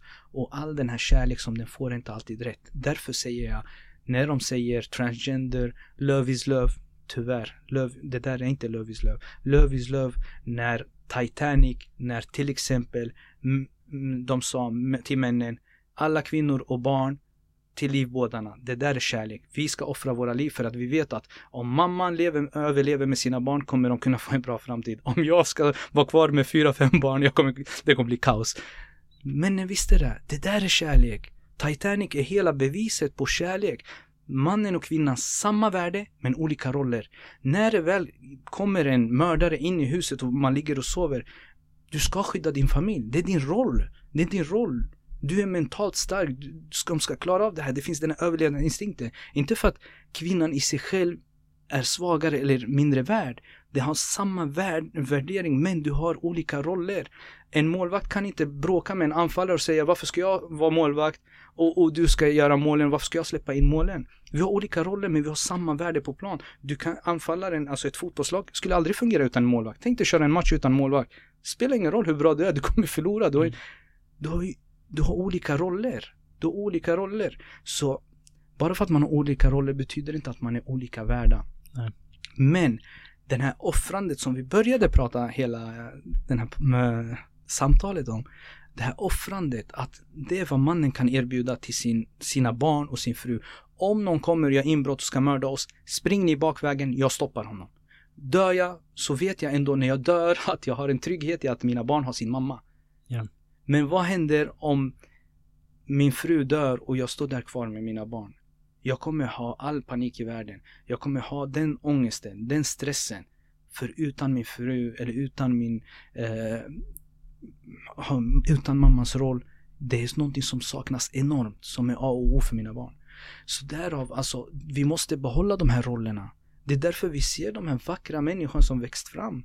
Det är ofta Alltså oftast när du ser människor som har hamnat i jättesvåra depression och eh, missbruk och sånt. Oftast har de ju haft ett problem hemma.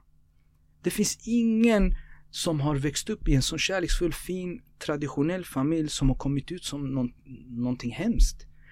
Oftast när vi tittar psykologer, när de sitter med människor, vare sig det kanske är våldtäktsmän eller pedofiler, det har ju funnits någonting, i 95% av fallen har det funnits någonting som har gjort att de har blivit där de har blivit. Oftast har de ju haft en jättetuff uppväxt. Många, eller många, vissa, till exempel Zlatan som visade sin tuffa uppväxt, men det blev någonting av honom. Men det satt i mentala styrkan han hade. Det fanns en mental styrka som kunde vara avgörande. Hade han inte haft den mentala styrkan hade han säkert jobbat på, på uh, rusta lagret i Norrköping eller i Malmö. Förstår du? Mm. Men det fanns en mental styrka i honom som inte bröt ner honom. Som gjorde att han lyckades. Och därav, pappans roll behövs på sitt sätt. Mammans roll behövs på sitt sätt. De kompletterar varandra. Därför ser vi en familj. Enheten är jätteviktig. Alltså för oss när, vi, när man gifter sig ser vi alltså två personer blir ett. Två personer blir en person. Hur? Det här är genom den här kärleken, genom det här sambandet. Nu när de är en person kan de inte skiljas åt. Nu är de en i varandra. Då finns det jag. Så som jag är kommer jag alltid vara. Jag kan inte skilja mig från... Och det var vad man försöker göra med den här transgender. Man skiljer sig från sin kropp. Nej, du är din kropp. Du är din kropp. Din hjärna registrerar ju din hand. Din hjärna registrerar att du ska gå på toa på det sättet. Alltså, du är din kropp. Att skilja sin kropp från sin tanke.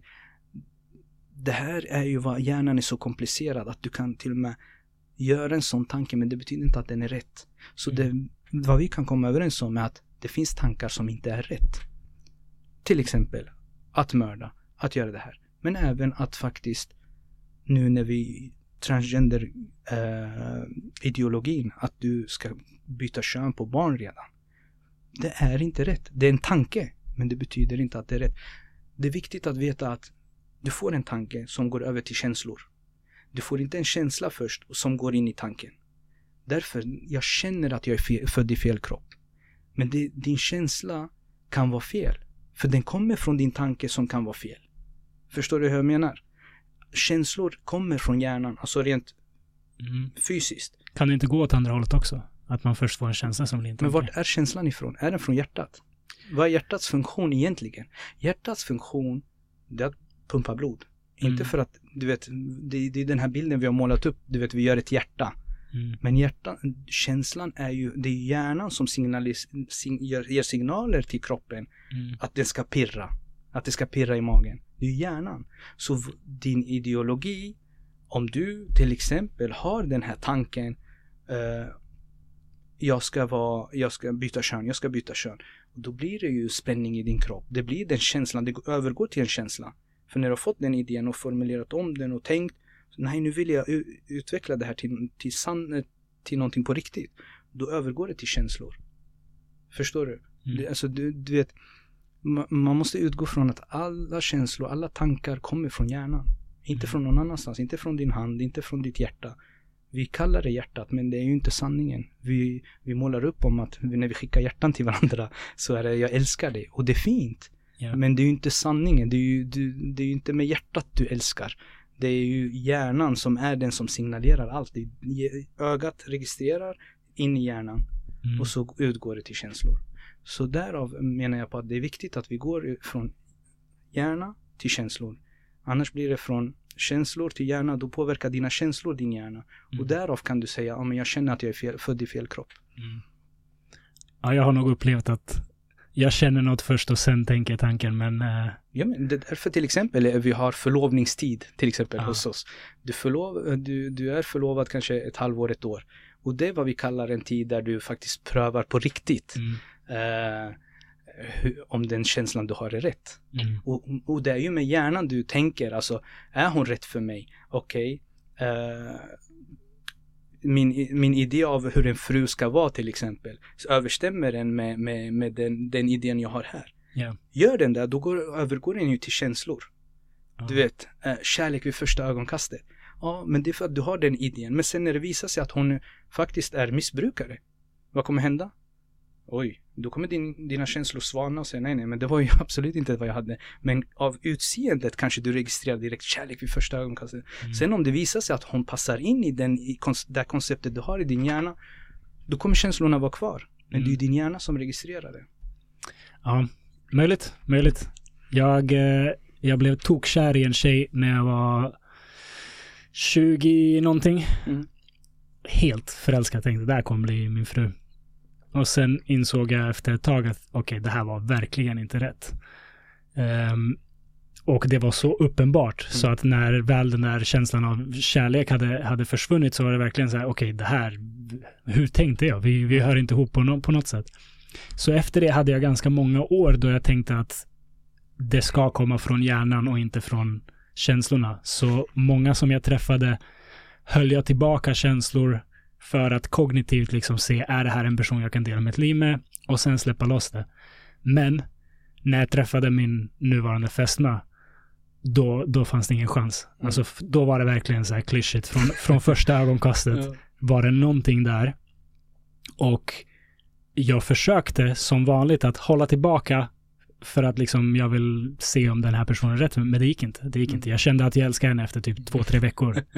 um, ja. och, och, det, och det är vackert. Och det är det som är att det passar in i din bild som du har vuxit fram. Mm. Det är därför vi säger till barn inte gifta sig. För mm. ni vet inte än vad ni vill. Det finns så mycket information som ska hämtas och laddas ner från mm. världen, omvärlden. Vi skulle aldrig säga till en 16-åring, jo, jo, men gift dig. Det är, ni är kära, punkt. Nej, du vet att kärlek, det är du får inte gifta dig utifrån bara ren känsla. Mm. För att du kan känna faktiskt fel. Du vet när två lag möts, alla känner att de ska vinna, men, ja. men känslan kan bli ju fel för många. Ja. Och därav, det, det, det jag menar är att det finns en så vacker bild, alltså den är lite rolig, det är så ett hjärta och en hjärna. Hjärtat har så här plåster på sig, den är helt förstörd och så säger hjärnan till hjärtat, har du inte lärt dig än? Lyssna på ja, mig. Ja. Så det var hjärnan försöker säga, det är en jättefin bild, man kan googla den. ja. så, och, och, och, det, och det här är sanningen. Alltså du vet hjärtat, vi behöver låta hjärtat lyssna till hjärnan. Mm. Uh, och det var mina föräldrar alltid sagt faktiskt när de sa, ja men när, man, när man väljer sin partner, tänk noga Yeah. Tänk framtiden. Tänk, kommer det här vara till exempel en bra mamma för mina barn? Till exempel, eller våra barn. Kommer den här personen älska mig även om jag blir rullstolsburen? Mm. Kommer den här personen kunna ge vad jag har att ge? Det här är jätteviktigt för att många, och det här är vad som har hänt idag. Folk går in i äktenskap och tror att det är en Hollywood. Mm. Jag och du mot världen. Även om vi så är under bar himmel så ska det vara jag och du. Ingen ska kunna skilja oss åt. Det här är Hollywood. Mm. Och rätt som det är så kommer lite prövningar. Eh, ekonomisk kris som nu kanske. Eh, eller att man ser sidor som man inte har sett innan. Och så kan man skilja sig för det. Att ja, men jag trivs inte i den här staden. Antingen flyttar du eller så skiljer vi oss. Mm. Vart är uppoffrandet?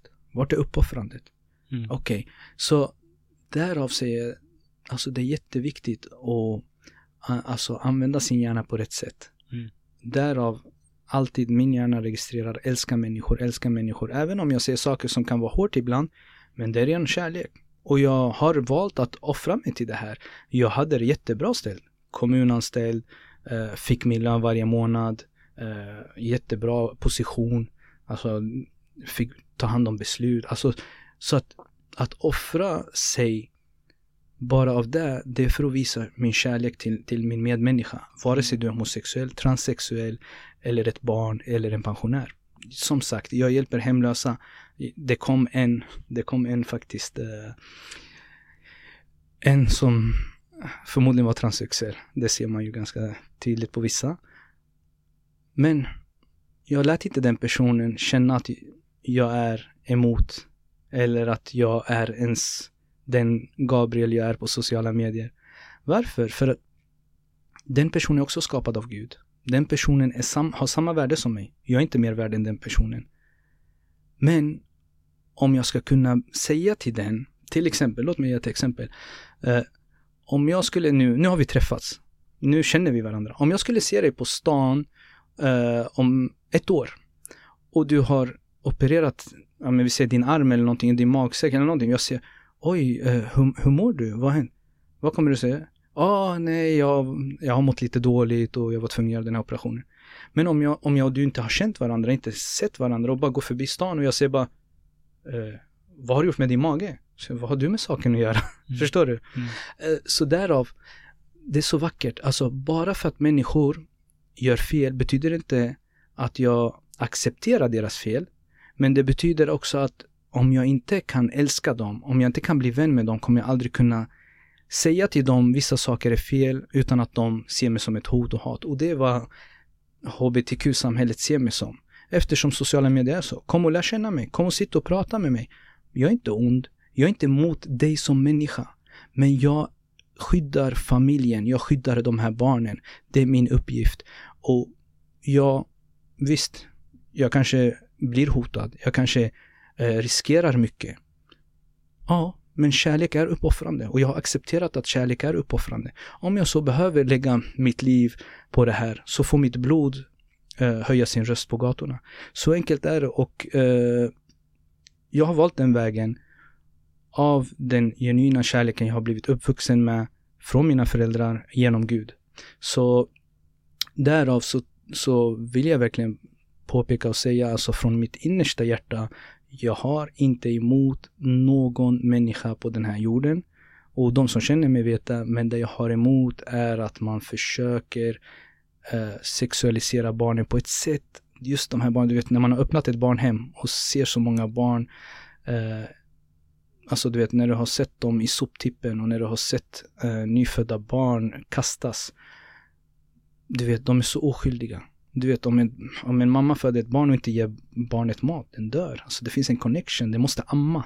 Mm. Barnet måste amma och det, du vet, redan där finns det en, en connection, en, en, vad ska jag kalla det, en relation som är intim. Mm. Alltså barnet äter mat från mammas bröst.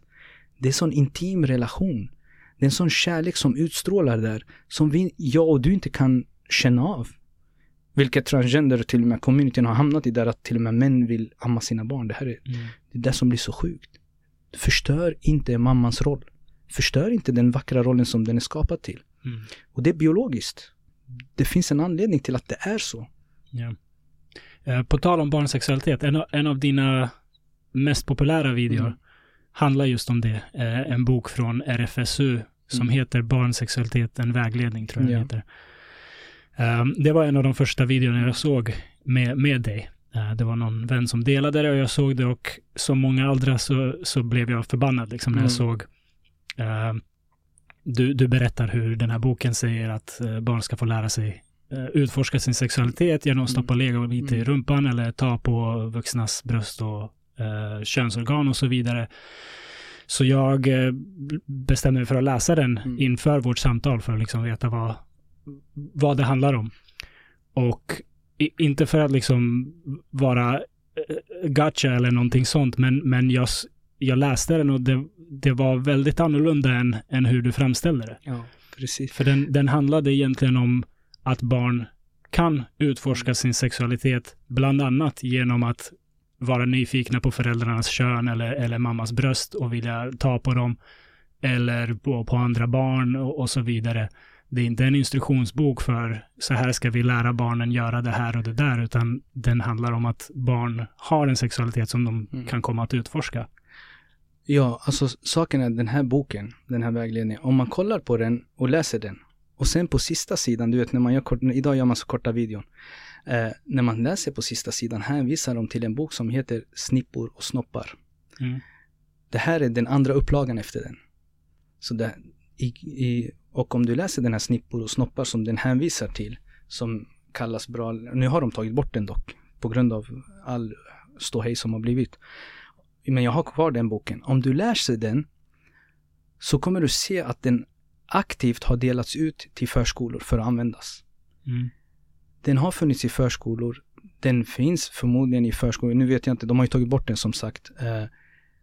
Och där ser du faktiskt att de skriver att nu har vi tagit bort, eller de skriver så här, vi delar inte ut den aktivt längre i förskolorna och i skolor. Så därav, kolla, man försöker försköna det man har som ideologi. RFSUs ideologi och RFSL och dem, den är tydlig. Det här ska på barnen, punkt slut. Kollar du WHO, kolla Skolverket, vad gjorde de? Skolverket, när de ändrade det här eh, till nya, den här nya sexualundervisningen, vad gjorde de? De hänvisade till WHO. Du vet vilka WHO är? Mm, World uh, Health Organization. Ja. De hänvisade till den på deras artikel. Mm. Nu är den borttagen. Det jag menar är att om du klickade på den då den fanns, det som är bra finns det, det finns inspelat sånt här. Uh, det som är att när du klickade på den kom du till dokument där det visar vad målet är med Världshälsoorganisationen, alltså WHO, mm. för Europa. Att barn från 0 till 4 år ska lära sig om sexualitet på ett sätt där de ska kunna bestämma över sin kropp på ett sätt om jag vill så ska jag vilja. De ska lära sig om att kunna njuta själva. De ska lära sig eh, om Alltså allt det jag berättar egentligen på, i videon och där du kan se i de här så kallade vägledningarna. Därav är det här väldigt läskigt. Om det inte är så, varför hänvisar man, nummer ett, varför hänvisar man till WHO? Och om man tar bort en länk efter att det blir så här ståhej och de får kritik, varför tar man bort en länk? Är inte det intressant? Mm. Varför tar Skolverket, som ska vara en trygghet i sig självt, hänvisa till WHOs agenda och dokument som visar det här är också videoklipp som jag kommer dela med mig av och nu har jag ju varit i Syrien, det, har ju varit en paus nu men mm. jag kommer visa de här grejerna. Men, men i den här videon som jag pratar mm. om, då är det ju inte WHOs dokument du pekar på. Då är den, den finns med där. Om du läste på sida två, men som sagt, videon är bara en minut lång. Ja. Uh, om du ser på... Men exempel det här med att, uh, då, här, du säger någon, jag, jag tror du använder ordet, här ska de lära sig ta på uh, mammas bröst eller mm. föräldrarnas könsorgan, perfekt för pedofiler. Mm. Alltså, när man formulerar det på det sättet, det är klart att man blir arg. Jag, jag blev arg när jag hörde det. Men sen när jag läste det så stod det barn kan vara nyfikna på sina föräldrars bröst och könsorgan. Är, är inte det, förstår du vad jag menar? Det är ja. en missrepresentation av vad dokumentet säger och det är det ja. dokumentet du, du pekar på i videon. Alltså, men återigen, det finns en grundidé i själva den här, själva boken och deras andra böcker. Det är att barn ska kunna göra de här grejerna. Alltså varför, varför har vi ändrat det här? Varför finns det här för förskolor? Varför finns det här som accepterad vägledning? Om inte det är till för att ändra sexualsynen på barn. Varför finns de här grejerna? Varför finns de här vägledningarna? Och självklart, om du lär ett barn, du bestämmer över din kropp. Inte mamma och pappa. Mm. Du bestämmer exakt vad du vill göra med din kropp. Vad händer med en pedofil som kommer till en fyraåring och säger Förlåt, det låter grovt. Jag köper vilka leksaker du vill, men mm. om du bara rör på min, eh, på, på mig mellan benen. Vad gör barnet? om den har ändå lärt sig de här grejerna, så kallade vägledningarna. Ja, men jag bestämmer ju över min kropp. Jag vill ha den där, de där leksakerna som inte min mamma och pappa har råd med. Och så gör den de här sjuka sakerna. Kan inte en pedofil utnyttja det här? Har jo. det inte funnits pedofiler bland de här RFSU-människorna? Har det inte funnits så att det finns ett sätt att använda de här, de här eh, vägledningarna som som så kallade vägledningar på ett hemskt sätt. Det finns mm. en ideologi. Den här boken hänvisar till WHO. Om man kollar på sida två, längst mm. upp finns det faktiskt text där det står att den hänvisar, det här är i samråd, eller det här är utifrån WHO. Mm. Så att det finns, alltså det är en connection mellan Skolverket, WHO, RFSU. Alltså, och det är tydligt och, och som sagt, den här videon är att visa att vad det är vi håller på och, och gör med våra barn. Vad det är vi håller på och få det fram. Kolla, det finns ett videoklipp på, uh, på YouTube. På, det, det är en amerikansk tv uh, eh, talkshow. Han är jättekänd, jag kommer inte ihåg hans namn. Så visar de uh, ett barnklipp Uh, så här, på YouTube, det finns det här nya barnklipp, eller nya och nya, men den heter Snippor och snoppar, så är det uh, två personer som har klätt ut sig till snippa och snopp. Uh, och de sjunger. Och den är gjord för barn. Mm. Och den här programledaren, han säger, alltså vad är det här? Är det sånt här vi visar, Sverige visar till sina barn? Det här är bara sjukt. Och så tittar jag på kommentarerna. Alltså du ska se vad föräldrar skriver. De säger, men det är en helt självklarhet att barn ska kunna eh, få, få upp, uppleva de här sakerna och att de ska kunna få ut, utföra sin sexualitet. De bestämmer själva vad de vill göra. Men det här är problematiken. Vår föräldrarnas syn har förändrats. Vi, vad gör vi? Vi förstör först föräldrarna, sen barnen. Det är ju föräldrarna som kommer förstöra barnen, alltså de vuxna som kommer förstöra barnen. Barnen i sig själva, de kan inte läsa och skriva och lära sig själva i den bemärkelsen att ha en undervisning till sig själv. Men det som sker, alltså för att om du kollar Tyskland, kolla Holland. Du vet, de ligger lite steget före. Sverige är num, num, typ nummer två eller tre, men Tyskland är nummer ett. Men om du kollar Holland, det finns ett videoklipp där, där de pratar med barnen om sex på ett sätt som du bara blir irriterad och arg över. Och det är utifrån de här vägledningarna mm. som hamnar till barn. Så att när, vad händer när, när vi imorgon ser två barn leka med varandras könsorgan på förskolan? Vad händer om, om, en, eh, om, om vi har tryckt på den här ideologin? Vad kommer hända? De kommer säga, men det är helt normalt. Vi kommer göra lekhörna för sexuella lekar. Vi kommer, mm. alltså, du vet doktor, att leka doktor, den har ju gått överstyr. Det finns en vägledning för hur man ska leka den. Och det är att folk, äh, barnen ska klä sig nakna. Fast även där är det ju inte en vägledning för hur de ska göra den, utan det står barn kan vara nyfikna mm. och bland annat leka doktor för att de är nyfikna. Ja, och sen om man läser vidare så, så när du berättar det här för barn, när, du, när barnen, som sagt barn är ju fantasirika och barn mm. kan göra saker. Men vad händer när du inte kan säga till dem att det är fel? Vad händer mm. när du har fått en vägledning om att det här är, barn kan göra så. Barn kan göra vad som helst. Barn kan gå över en gata, eh, barn kan gå över en motorväg utan att tänka på att det kommer bilar. Mm. Barn har inte den förmågan att skilja mellan vad som är rätt och fel. Så vad händer när du med de här böckerna, med de här med de här vägledningarna som de kallar så fint. Du vet, man klär in det. är det som gör mig lite ledsen, att man klär in saker och ting i fina ord. Mm. Vägledning, regnbåge, kärlek, love is love. Och har en hemsk ideologi bakom. Mm. Alltså, vi har sett resultatet till exempel i Holland att du nämnde det själv, Storbritannien. Man börjar upptäcka att det, det här är fel. Det vi håller på med är fel. De bromsar, de, de bromsar de här sakerna. Även svensk politik. Det var ju uppe på tapeten att det skulle gå ner till 12 år. Men de bromsade det. För att det fanns inte tillräckligt med data. Och nu vet man av datan som kommer ut att det här börjar bli farligt. Det börjar gå överstyr.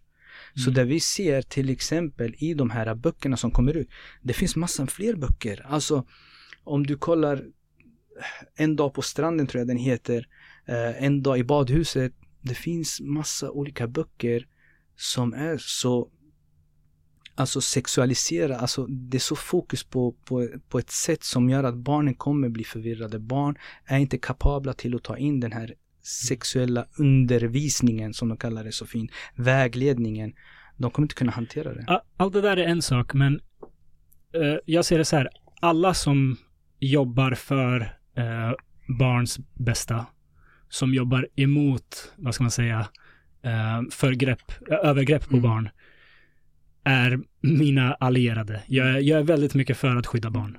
Och eh, oavsett om man kommer från en, en kristen världsbild, en muslimsk världsbild, en ateistisk världsbild, om man jobbar för att barn ska få vara barn och inte liksom utnyttjas sexuellt eller på något annat sätt, så är man, är vi på samma sida i den här mm. frågan.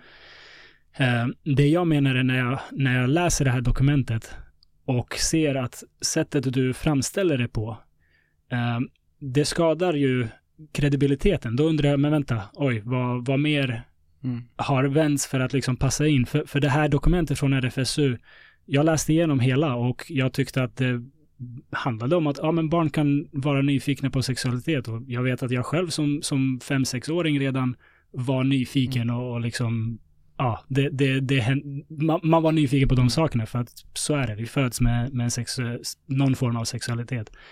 Men när jag då såg dokumentet och läste det och, och såg att nej men det här var ju inte alls vad, vad du sa i videon. Mm. Um, det är där det tar skada. Som ett, ett, uh, en parallell, någon som uh, en, en kvinna som anklagar en man för våldtäkt när det inte har hänt. Mm. Det skadar inte bara liksom den mannen och den kvinnans kredibilitet, utan det skadar alla andra våldtäktsoffer. För att de kommer se det där och tänka, ja men nästa kanske också ljuger när det mm. faktiskt mm. inte, inte är en lögn, när det är en faktisk mm. våldtäkt. Samma sak här, att om man missrepresenterar ett dokument från mm. RFSU, då kommer andra som ser det här också tänka, ja men vad mer missrepresenteras? Och eftersom det finns folk som liksom faktiskt vill skada barn, så är det alldeles för farligt att liksom missrepresentera i det här området. Mm. För om folk tror att, nej men då är det säkert inget problem alls då har vi också ett problem. Ja. För, för det är klart det finns folk som vill skada barn. Och det är det här jag äh, behöver försvara det här lite för att kolla. Mm. Man utgår inte bara från dokumentet. Det är själva konceptet. Det finns ett koncept bakom hela det här. Alltså, som sagt, videon är en minut lång. Uh, jag pratar om dokumentet, men också grunden från dokumentet för att återigen, de hänvisar till WHO. Mm. De hänvisar till WHO. Deras styrdokument. Om man går och läser deras styrdokument, det är, så, det är synd att man inte kan göra äh, långa videon, folk tittar inte på det, men, men det kommer ju flera klipp så småningom, jag mm. håller på att göra dem. Uh, så kommer man se tydligt, den tydliga idén, den tydliga spåret, att man lägger den här sexualiseringen på barn. Det finns faktiskt den här Vi Tillsammans, eh, också en grupp, en, en hemsida som studerar den här frågan, de här frågorna noga. Alltså, RFSU vill ju till exempel eh, komma in i skolan. Och de har ju kunnat dela ut sin, sitt material. Deras material är deras ideologi. Vad är deras ideologi? Om inte att sexualisera barn på ett sätt som inte barn klarar av.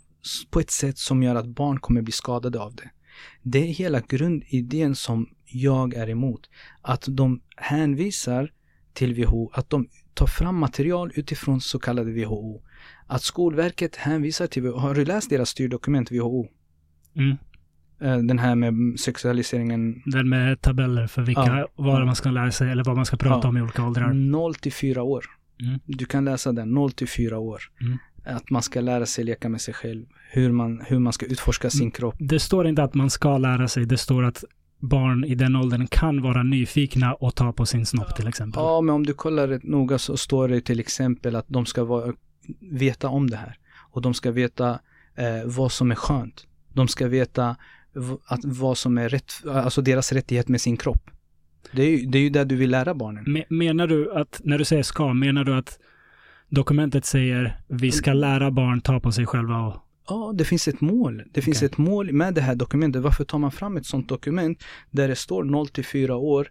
Uh, nu är det på engelska, men den finns ju tillgänglig på mm. nätet och man kan läsa själv. Uh, det finns en, en, en ideologi det här har inte funnits förut. Mm. Vi hade inte de här sexualundervisningarna, vi hade inte den här påtryckningen som vi har idag. Vi har, vi har inte haft den, den här problematiken förut. Den har dykt upp och blivit så stor idag när vi, alltså det är bara att titta in i, i USA, eh, Kanada, vad som har hänt. Alltså vi ser ju hur, hur det sker i skolor. Alltså mm. du vet, det har ju blivit, det har ju blivit som klyscha till och med, du vet, politiken är ju delad i två i USA. Det är ju så stor fråga. Det är till och med en valfråga idag i, i USA. Det är en av de viktigaste valfrågorna för föräldrar idag. Vad är det vi gör med barn? Alltså, det finns en ideologi bakom att de hänvisar, att de tar fram vissa dokument. Och det som är så intressant, som jag sa, man måste titta. Kolla, det här dokumentet skulle ersätta det dokumentet som inte fick delas ut längre till förskolor. Okej? Okay? Om du kollar näst sista sidan så står det eh, om, om det dokumentet, alltså den här snippor och snoppar. Varför blev den borttagen om inte den var eh, för vulgär? Varför blev den borttagen? Varför har man tagit bort den? Varför först aktivt delade man inte ut den? Nu finns den inte att ladda ner längre. Den har tagits bort från hemsidan. Men ändå hänvisar man till det dokument som de har tagit bort. Ser du vad man gör? Man gör så enkla misstag att man inser att det finns någon, någonting mer bakom. Varför döljer de de här sakerna? Varför tar Skolverket bort den här länken till WHO? Varför gör man det? Om det är som till exempel du säger att barn ska, ja men det har inte med att barn ska lära sig de här grejerna. Okej, varför tar man bort den? Varför försvarar man inte det? Ja men det är inte så, ni har varför säger man inte, ni har missuppfattat, det här dokumentet mm. är fel och förklarar. Det gör man inte. Man tar bort länken. Så att inte folk kan komma åt den. Samma sak med snippor och snoppar. Man tar bort boken men hänvisar den till den nya boken som man säger att eh, den är ersättning för den gamla för att den var för vulgär, för att den var för, för stark, för att den var för sexualiserad. Mm. Så står det att man aktivt inte delar ut den, sen har man tagit bort den, men man hänvisar fortfarande till den i sin nya bok som skulle ha ersatt den. Så det finns så många frågor de inte svarar på. Mm. Vi ställer de här frågorna till Skolverket, till eh, RFSU. Till exempel, de hade den här transdisco. Alltså till barn upp till 12 år. Föräldrar fick inte följa med. Du, du, du gör Transkollon, du gör aktivt, vi vet inte vad som sker där. Föräldrar får inte närvara. Okej, okay, jag får inte närvara i mina barns sexualitet och vad de hör. Är inte jag förälder? Är det inte min plikt att skydda mitt barn? Är det inte min plikt att vara den där äh, hjälten till min son eller min dotter? Så det jag menar, äh, min broder här, det jag menar är att det finns en ideologi bakom. Det finns en mörk kraft bakom. Så att när man så enkelt bara ser det ytliga, det blir vackert. Varför? Till exempel regnbågsfärgen. Regnbågen är ju jättevacker. Eller hur? Det är ju bara glada färger. löv is löv, Allt. Men ideologin bakom till exempel transgender som använder de här färgerna. Ideologin bakom är ju skadlig för barn. Samma sak där RFSU, Skolverket och eh, WHO gör. Det här är skadligt för barnen. Sexual, sexualundervisningen ska inte ske på förskolor, inte i grundskolor. Barn är inte redo för det.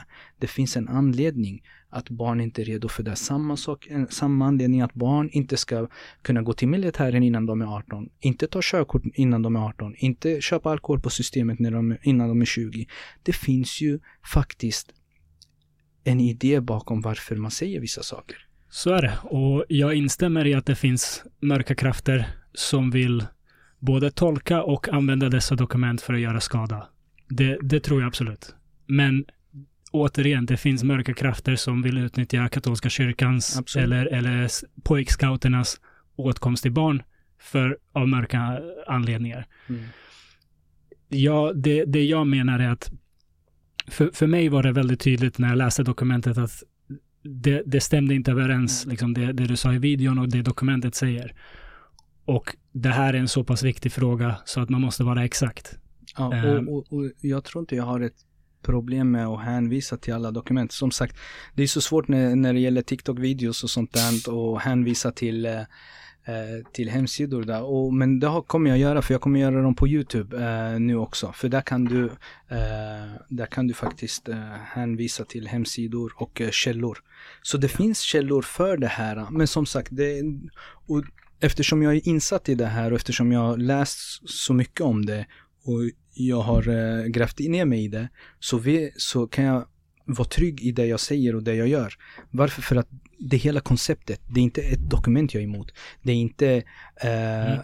men, en bok. Men, men, instämmer du i det jag säger, att just det här dokumentet, som är det du pekar på i den videon, faktiskt säger någonting annat än det du säger i videon? Det beror på hur du menar. Jag menar på att det de skriver i det här dokumentet är en del av sexualiseringen av barn. Mm. Klart och tydligt. Sen om, om man som människa upplever, för, förmodligen vissa säger, ja men det är inte alls så. Och, och det har ju med vilken bakgrund du utgår ifrån eller vilken, eh, vil, vilken kunskapsnivå man har eller vilken sida man till och med tillhör. Mm. Det, och och, och här, här är det ju liksom urskiljningsförmågan som är viktig. Och där menar jag på att jag ser tydliga spår. Vi är många som ser det här tydliga spåret. Faktiskt mm. så har det skrivit jättemånga föräldrar till mig eh, som, som är på förskolor och hämtar sina barn som hör så, och ser så konstiga saker. Mm. Exempelvis eh, har funnits eh, barn till exempel som har kommit hem och sagt till sina föräldrar, min kompis som har en treårig flicka som sa, men jag är pojke, en mm. treåring. Mm. Och på förskolan hade de sagt att det är okej. Okay. Uh, Medan föräldrar bara, men vart har du det här? har du inte hört hemifrån. Ja, men jag har hört det på förskolan att man kan vara det. Och, det, och hon tycker det är kul. Så ser du vad som händer. Samma sak med eh, Alltså barnböcker, om du tittar, har ju börjat bli väldigt sexualiserade. Eh, alltså gå från till, till med dagens här reality-series.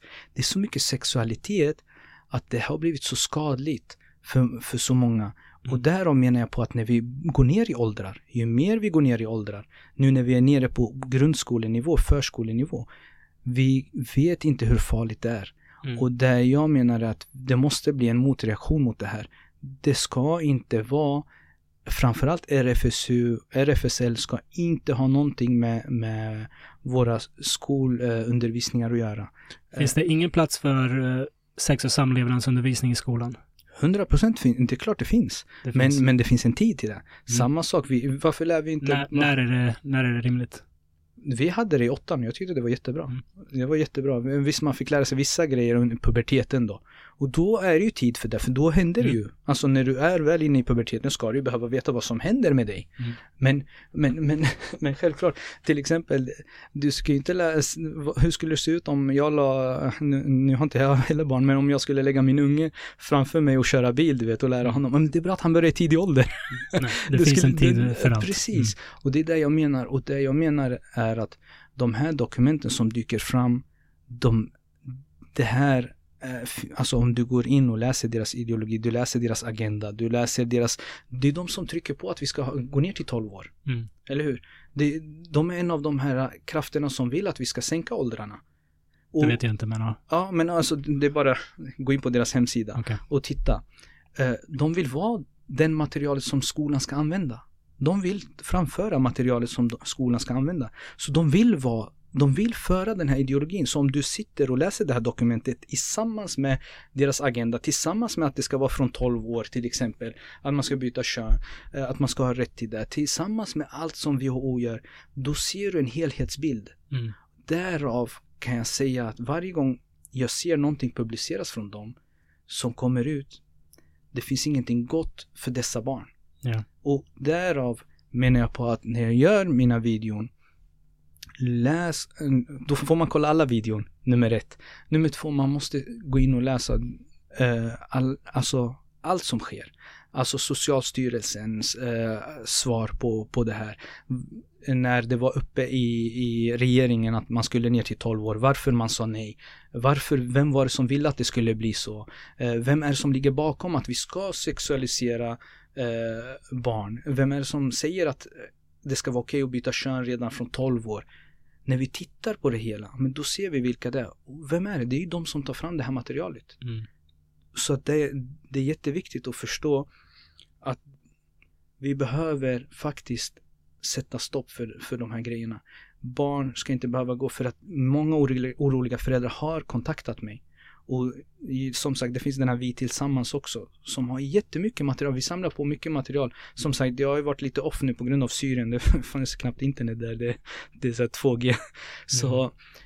alltså om man samlar ihop materialen, du ser tydligt alltså. Du vet, för att om du hör föräldrars historier, vad de ser på förskolor och eh, vad barnen kommer hem och berättar. Alltså jag har ju kusiner, jag har ju som sagt, eh, min mormor hade, har 30 barnbarn och de har också barn. Så att när jag frågar dem, de säger tydligt. Alltså de har jättemånga kompisar som till exempel testar på att vara, mm. äh, alltså, äh, vara tillsammans med båda könen för att testa sig fram. Äh, de vet om, om porr, de vet om alltså sexuella grejer som du tycker bara, men du är, du är för ung för det där. Mm. Alltså du vet, åtta, nioåringar som, som du hör berättelser bara, men du har inte fått det hemifrån. Ja, men då är det från skolan. Och sen inte nog med det, de tar med sig det till, till bland kompisar, lekandet. Det här är farligt. De ska inte vara medvetna om, alltså barn som gör fel saker ska inte behöva eh, bli, bli alltså hjärntvättade om att de, ja, men du, du har rätt i allt du gör. Det är din sanning. Mm. För... Jag, eh, jag delar din oro. Mm. Jag, jag, jag ser också att det sker sådana saker i samhället och inte minst via sociala medier, att vissa saker pushas ut som direkt är skadliga.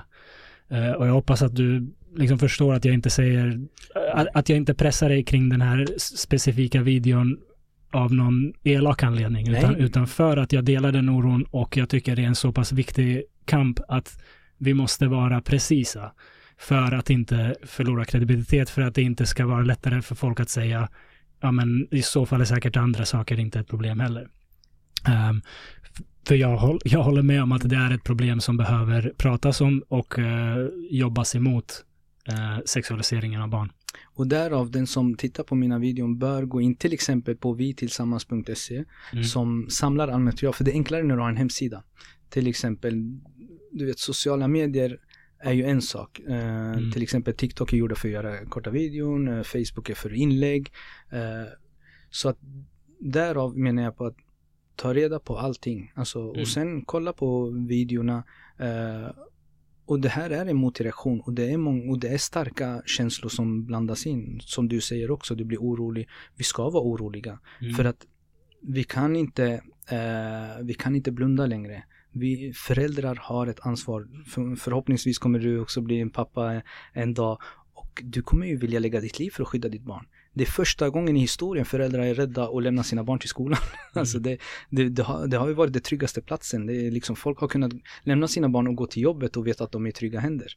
Mm. Nu lämnar vi min, eh, din, du lämnar din son, kommer och hämtar honom och vet inte vad du har fått tillbaka. Så det, därav, vi behöver säga stopp. Vi måste veta rotproblemet. Och det är där jag menar, det var RFSU, RFSL och eh, WHO och alla, det finns en agenda. Och det finns som sagt onda krafter, vissa som drar mer i det, som påtrycker mer, vilket vi ser kommer från HBTQ-samhället, inte från alla individer i sig själva, men som, som namn och som benämning eh, är det påtryckningar, väldigt mycket därifrån, att barn, barn ska, eh, vi behöver lära barn grunderna grundlagen att alla ska älska varandra och respektera varandra. Vi ska inte behöva säga eh, vi är ett hbtq-certifierad eh, kontor. Vi ska inte behöva komma till den nivån och säga det. Nej, vi accepterar alla människor.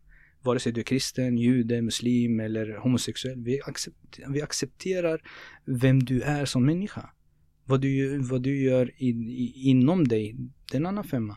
Mm. Så länge det inte är olagligt. Ja, jag förstår. Eh, det känns som att vi skulle kunna prata i timmar. Ja, jag, jag, är väldigt, väldigt tacksam för att du eh, vill sitta här och prata med mig om de här grejerna. Det är inte lätta samtalsämnen. Nej, absolut inte. Och, Men det har ju varit väldigt aha, fint. Vi, vi, har, vi har en del meningsskiljaktigheter, men det är någonstans där jag tycker det är av just den anledningen är det viktigt att prata. Mm. Uh, det, det är många som idag har väldigt, väldigt svårt att prata med någon som ser saker annorlunda än en själv. Uh, och det är en sak jag vill göra med den här podden, att prata med folk som ser på saker och ting väldigt annorlunda än vad jag gör, för att det är så vi kommer liksom gå framåt som samhälle, att, att, att höra på varandra och respektera varandra nog för att kunna sitta och, och, och lyssna, även om det finns saker vi inte håller med varandra om. Um, och jag uppskattar väldigt mycket att du delat med dig av dina, dina tankar, dina åsikter. Och uh, jag är eh, oerhört inspirerad av ditt arbete med eh, både hemlösa här i, i, i Sverige och eh, barn nere i Syrien, Libanon och andra, andra drabbade områden. Eh, om du skulle vilja eh, skicka folk som lyssnar eller tittar till någonstans, följa ditt arbete, stödja ditt arbete, vad, vad skulle du tipsa dem om? Ja, sociala medier är ju en av de främsta kanalerna idag man är jättevälkommen att höra av sig. Även om man har emot det man säger eller någonting emot. Men låt oss föra då dialog. Eh, jag tvingar inte på någon och som sagt, som jag sa tidigare, varken hjälpa mig eller uh, komma, vända om sig just till mig. Utan uh, det handlar om i grund och botten att vår uppgift som vuxna är faktiskt att skydda barnen. För varenda ond vuxen som du ser idag har ju varit det där oskyldiga barnet. Mm. Och därav menar jag på att vi behöver verkligen, ska vi ha en fin framtid nu när vi är ett mångkulturellt samhälle världen över egentligen, på grund av att det är så enkelt att flytta idag och, folk flyr till olika länder så behöver vi som sagt utgångspunkten respektera alla människors lika värden, alla människors lika rättigheter. Uh, och därav ska vi kunna leva i ett samhälle tillsammans. Så återigen, jag har ingenting emot varken den som hatar mig eller den som vill se mm. mig död eller den som älskar mig. Jag älskar alla människor lika mycket. Jag utgår alltid från att älska min fiende. Men att skydda barnen, det, oh, det är jag redo att ge mitt liv för. Så det får bli en kamp, men det återstår att se. Men jag är väldigt oroad, väldigt ledsen över att se så mycket depression gå ner, framförallt att det har gått ner i ålder, mm. eh, självmordsantalen, eh, allt, allt det negativa. Och inte nog med alla nyheter och all, barnens mm. tillgång till all media och TikTok liksom förlåt men barn kan gå upp och dansa på TikTok och tjäna pengar medan en gruvarbetare sliter hela sin kropp för att ha lite mat på bordet. Du ser världen är så upp och ner idag. Mm. Du tjänar mer på att skaka rumpa på TikTok än att gräva i, i avloppen någonstans. Så det, det, därav världen är jätteupp och ner. Mm. Och vi behöver steppa upp och eh, älska varandra med den sanna kärleken, den riktiga kärleken, inte den sexuella driften, inte uh, kärleken är offrande, det är den sanna kärleken, att offra sig för varandra. Uh, om någon skulle komma in här, jag ska försöka offra mig för dig, du ska offra dig för mig. Det, det är kärleken. Inte att vi ska ha sex. Det, det, det är inte den sanna kärleken bara för skojs skull. Och idag kom det, för, jag kan bara säga, idag kom det en rapport om att, uh, att psykologer är jätteoroliga över det här med KK, alltså uh, att ha en sexpartner bara, inga yeah. känslor. Det har skadat, det har visat att det har skadat väldigt mycket. många blir deprimerade av det när det väl tar, för vissa tar det slut eller vissa utvecklar mm. känslor eller vissa ser på ett annat sätt. Eh, det har visat sig att faktiskt att det har skadat människor. Så att du kan använda den här, det här vackra för att skapa familj på ett jättedåligt sätt. Mm. Och det är tillbaks till egen kärlek. Ja. Yeah. Alright, så folk kan följa dig på sociala medier. Du nämnde en hemsida, Vi Tillsammans där finns det faktiskt mycket information att hämta. Uh, och där har du alla källor och alla källhänvisningar. Mm. Uh, det är mycket enklare när, man, när det finns hemsidor. Så yeah. jag har ingen egen hemsida. Kanske i framtiden. Kanske är dags. Ja, precis. Toppen. Tack så jättemycket Gabriel. Tack, tack, tack. Ha det fint. Tack. Uh, tack till dig som har lyssnat eller kollat. Vi hörs nästa gång. Ha det fint.